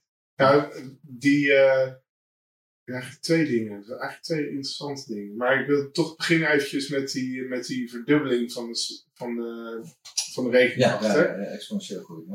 Ehm, want eh, nou, eigenlijk die, die hele ASML-machine die, die laat al zien van ja, je hebt, het heeft toch ergens ook gewoon fysieke ja, grens of zo, zou je zeggen. Hè? Van wat kan je nog ja, en toch verdubbelen? En toch, mensen zeiden tien jaar geleden al gaat stoppen. Eh, de, de roadmap van ASML gaat nog tenminste 15 jaar door. En, en kijk, die, die rekenkrachtverdubbeling is niet alleen maar de pure rekenkracht per seconde, maar is ook voor de kostprijs. Ja, Dus, en de productiviteit gaat alsmaar omhoog. De nauwkeurigheid gaat alsmaar omhoog. Dus de komende 15 jaar gaat die wet van Moore nog door. Eén keer in de twee jaar of één keer in de 18 maanden verdubbeling. Ehm, daarna komt er wellicht een periode met fotonica, waarbij we fotonen gaan gebruiken in pla- in plaats van elektronen. En, en, en of quantum computing. Dat, komt, dat is er allemaal nog in het verschiet. Dus Ja. er komen nog technologische doorbraken met quantum en met fotonica, waarvan ik denk dat die wet van Moore gemiddeld gezien gewoon de komende 30 jaar nog, Ja, maar de wet- aan de orde is. want volgens mij de originele wet van Moore is, is, gaat over het aantal, wat is het, transistors. Op een oppervlak. Ja. En, en Ray Kurzweil heeft het een beetje omgebouwd Ja, naar precies. hoeveel rekenkracht per 1000 dollar of zo, Ja. wat je dan kan kopen. Maar grosso modo gaat het natuurlijk, is het niet belangrijk om te weten hoeveel eh, Nee. Zitten erop. Het gaat om hoeveel rekenkracht Ja. kan ik in deze robot stoppen. Ja. Ik verwacht dat ik, mijn inschatting is, mijn buikgevoel als acteur is, dat gaat nog 30 jaar zo. Ja. En dat zal best wel met horten en stoten gaan, dat we misschien wat afvlakken en dan quantum ineens, kan factor 10 omhoog of zo, hè, als dat dan voor de consumenten Ja. beschikbaar komt. Eh, dus die curve zal niet vlak zijn, maar hij gaat omhoog. Ja. En, en dat betekent dat de vragen die ik heb gesteld in deze, in deze twee uur, ehm, ja, dat zijn, dat zijn vragen die, die een rol kunnen spelen de komende 30 jaar, terwijl onze kinderen opgroeien en onze leeftijd gaan krijgen.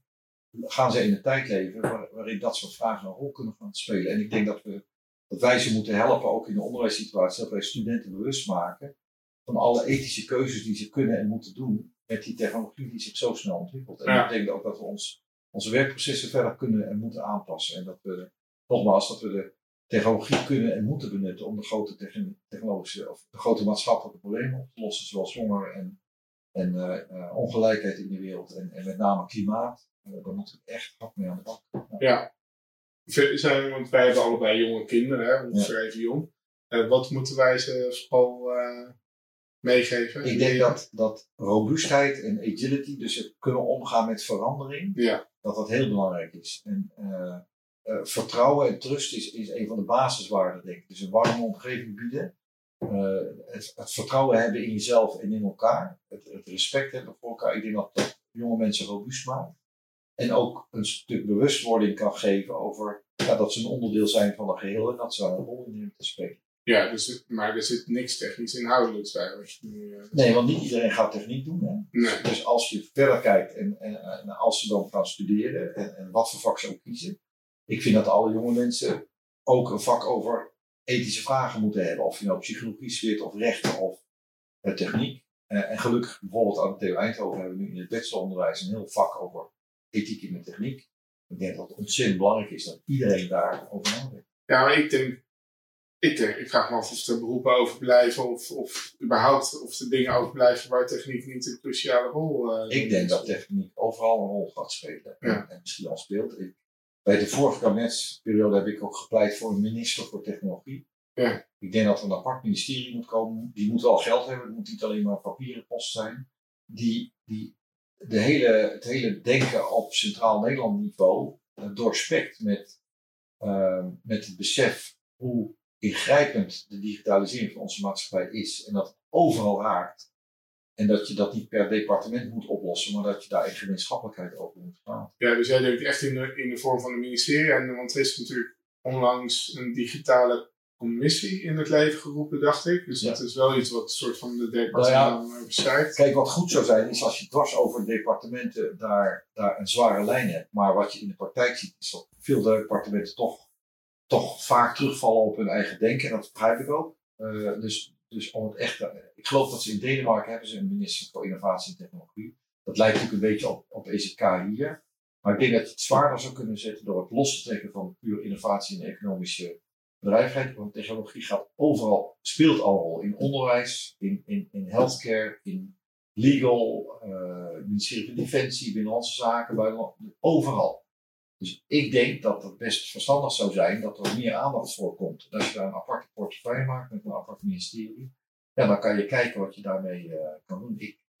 Ja, ik denk dat het relevant is. Um, ja, het is zeker relevant. Ja. ja ik, ik ken de, de ministeries nu vooral uh, als uh, um, uh, clubs dat zodra ja, er overlappende dossiers zijn, dat, dat, dat er dan concurrentie ontstaat. Nou, niet altijd. Ik, ik ken heel veel goede voorbeelden. Ik werk heel veel met, met VWS en INM en EZK. En ik heb heel veel prachtige voorbeelden waarbij het ontzettend goed verloopt. Waarbij, waarbij de, de directeuren op die directeurniveau en medewerkersniveau, waarbij allemaal uh, werkgroepen bestaan die over grenzen heen zijn. Maar er zijn sommige dossiers waar het heel erg moeilijk ligt, waarbij de een naar de ander kijkt en de ander naar de een, en waarbij netto te weinig vooruitgang is. En ja, ik denk dat dat, hè, op de universiteit probeer ik ook uh, mijn steentje bij te dragen om over grenzen van faculteiten heen te denken. Hè. We hebben, ik heb het High-Tech Systems Center opgericht uh, een aantal jaar geleden en samen met Katja Panker run ik dat, hetzelfde als de Eindhoven Engine. Dat, we hebben echt als doel om verschillende disciplines bij elkaar te brengen, omdat de snelheid van innovatie daarvan afhangt en nieuwe ideeën. En hetzelfde geldt feitelijk voor ministeries. Dat zijn, dat zijn ja, organieke silo's. En dat, het is goed dat ze, dat, ze dat, dat, dat borgen, want dat is ook hun kracht. Maar je moet ook dwarsverbanden maken. En daar Ja. moet je heel bewust mee omgaan. Ik denk dat ze dat ook wel doen voor een deel. Maar ja, ik hoor toch een aantal dossiers ik denk van nou, dat zou anders kunnen. En een aparte, apart ministerie voor technologie, ja, die zou een rol kunnen spelen vrijwel bij elk eh, eh, ministerie, bij elk departement. En ja, misschien is dat een vorm. eh, Amsterdam heeft een CTO, eh Ger Baron, vind ik geweldig. Een gemeente die besluit om een Chief Technology Officer te hebben. Ja. Geweldig. Ik zou willen dat elke gemeente in Nederland een Chief Technology Officer heeft, een CTO. Gewoon op echt bestuurlijk niveau, die nadenkt wat moet de toekomst van de stad zijn, wat betekent aan voor ons dorp, wat betekent digitalisering, wat betekent elektrificering, wat betekent het klimaat voor ons. Ja. Zo'n CTO heeft die strategische vergezichtrol bij bedrijven. Waarom, waarom niet in het openbaar bestuur? Dus Maar hoeveel gemeenten zijn er? 340 of zoiets? Een hoop CTO's. Ja, toch? Ja. Ja. Dat zou goed zijn. Ja, ja, ja nou, daar, daar ben ik het wel mee We eens. hebben 150 Kamerleden, dan zouden we best wat meer eh technische achtergrond mogen hebben. Ja, nou, dat, Ik ben heel blij met Apple Bruins, eh, die is directeur van STW geweest. eh, dat is het onderzoeksstuk van, voor de technische wetenschappen van NWO. En ehm, ja, eh, de- zo, zo zouden we veel meer mensen in de Tweede Kamer moeten hebben, denk ik. Ja. Maar ik heb geen ambities voor de Tweede Kamer. Nou, oké, Dat zijn. gelijk. eh, Ook niet als minister trouwens. Dus, maar eh, de akte ook niet. Nee, ik vind het heerlijk om te zeggen wat ik denk. En eh, ik denk dat je als minister ook gewoon heel bewust moet zijn van je rol voor de samenleving. En, en eh, ik denk dat je als minister echt wel een taak hebt om, om leiding te geven vanuit een visie. Op dat aspect zou ik leuk vinden. Maar het feit dat je toch wel ontzettend moet letten op hoe je dingen formuleert en hoe je nadenkt en hoe je dat inregelt.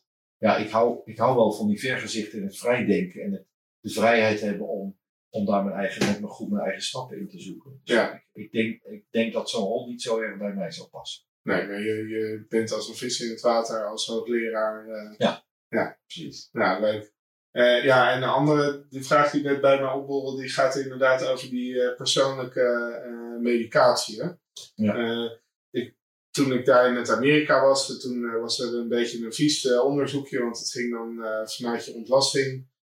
mocht, kon je dan opsturen en dan werd er eigenlijk precies gekeken van oké, wat voor, nou, hoe gaat het met je? Ja. Wat vaak. Ik heb daar niet aan meegedaan. Ik vond het een beetje gek om eh, DNA eh, Ja. zomaar daar ergens. Het was allemaal gratis. Ik denk, ja, dat, Ja. dat na me toen denk ik, dat doe ik niet. Nee. Maar er werd toen ook gesproken dat dat, dat soort analyses. Nu ja, naar laboratorium en alles. Maar wa- wat, wat de weg is, dat, dat gewoon hier in je toilet eh, kunnen gebeuren, bij wijze van spreken. Ja. Dat je dus op die manier heel real-time eh, ja, gewoon inzicht kan Ja. krijgen in eh, wat je misschien wat meer of wat minder zou moeten. Ja. Ja, om het iets minder vies te maken, de, de telefoons van tegenwoordig die kunnen steeds meer meten. Ja.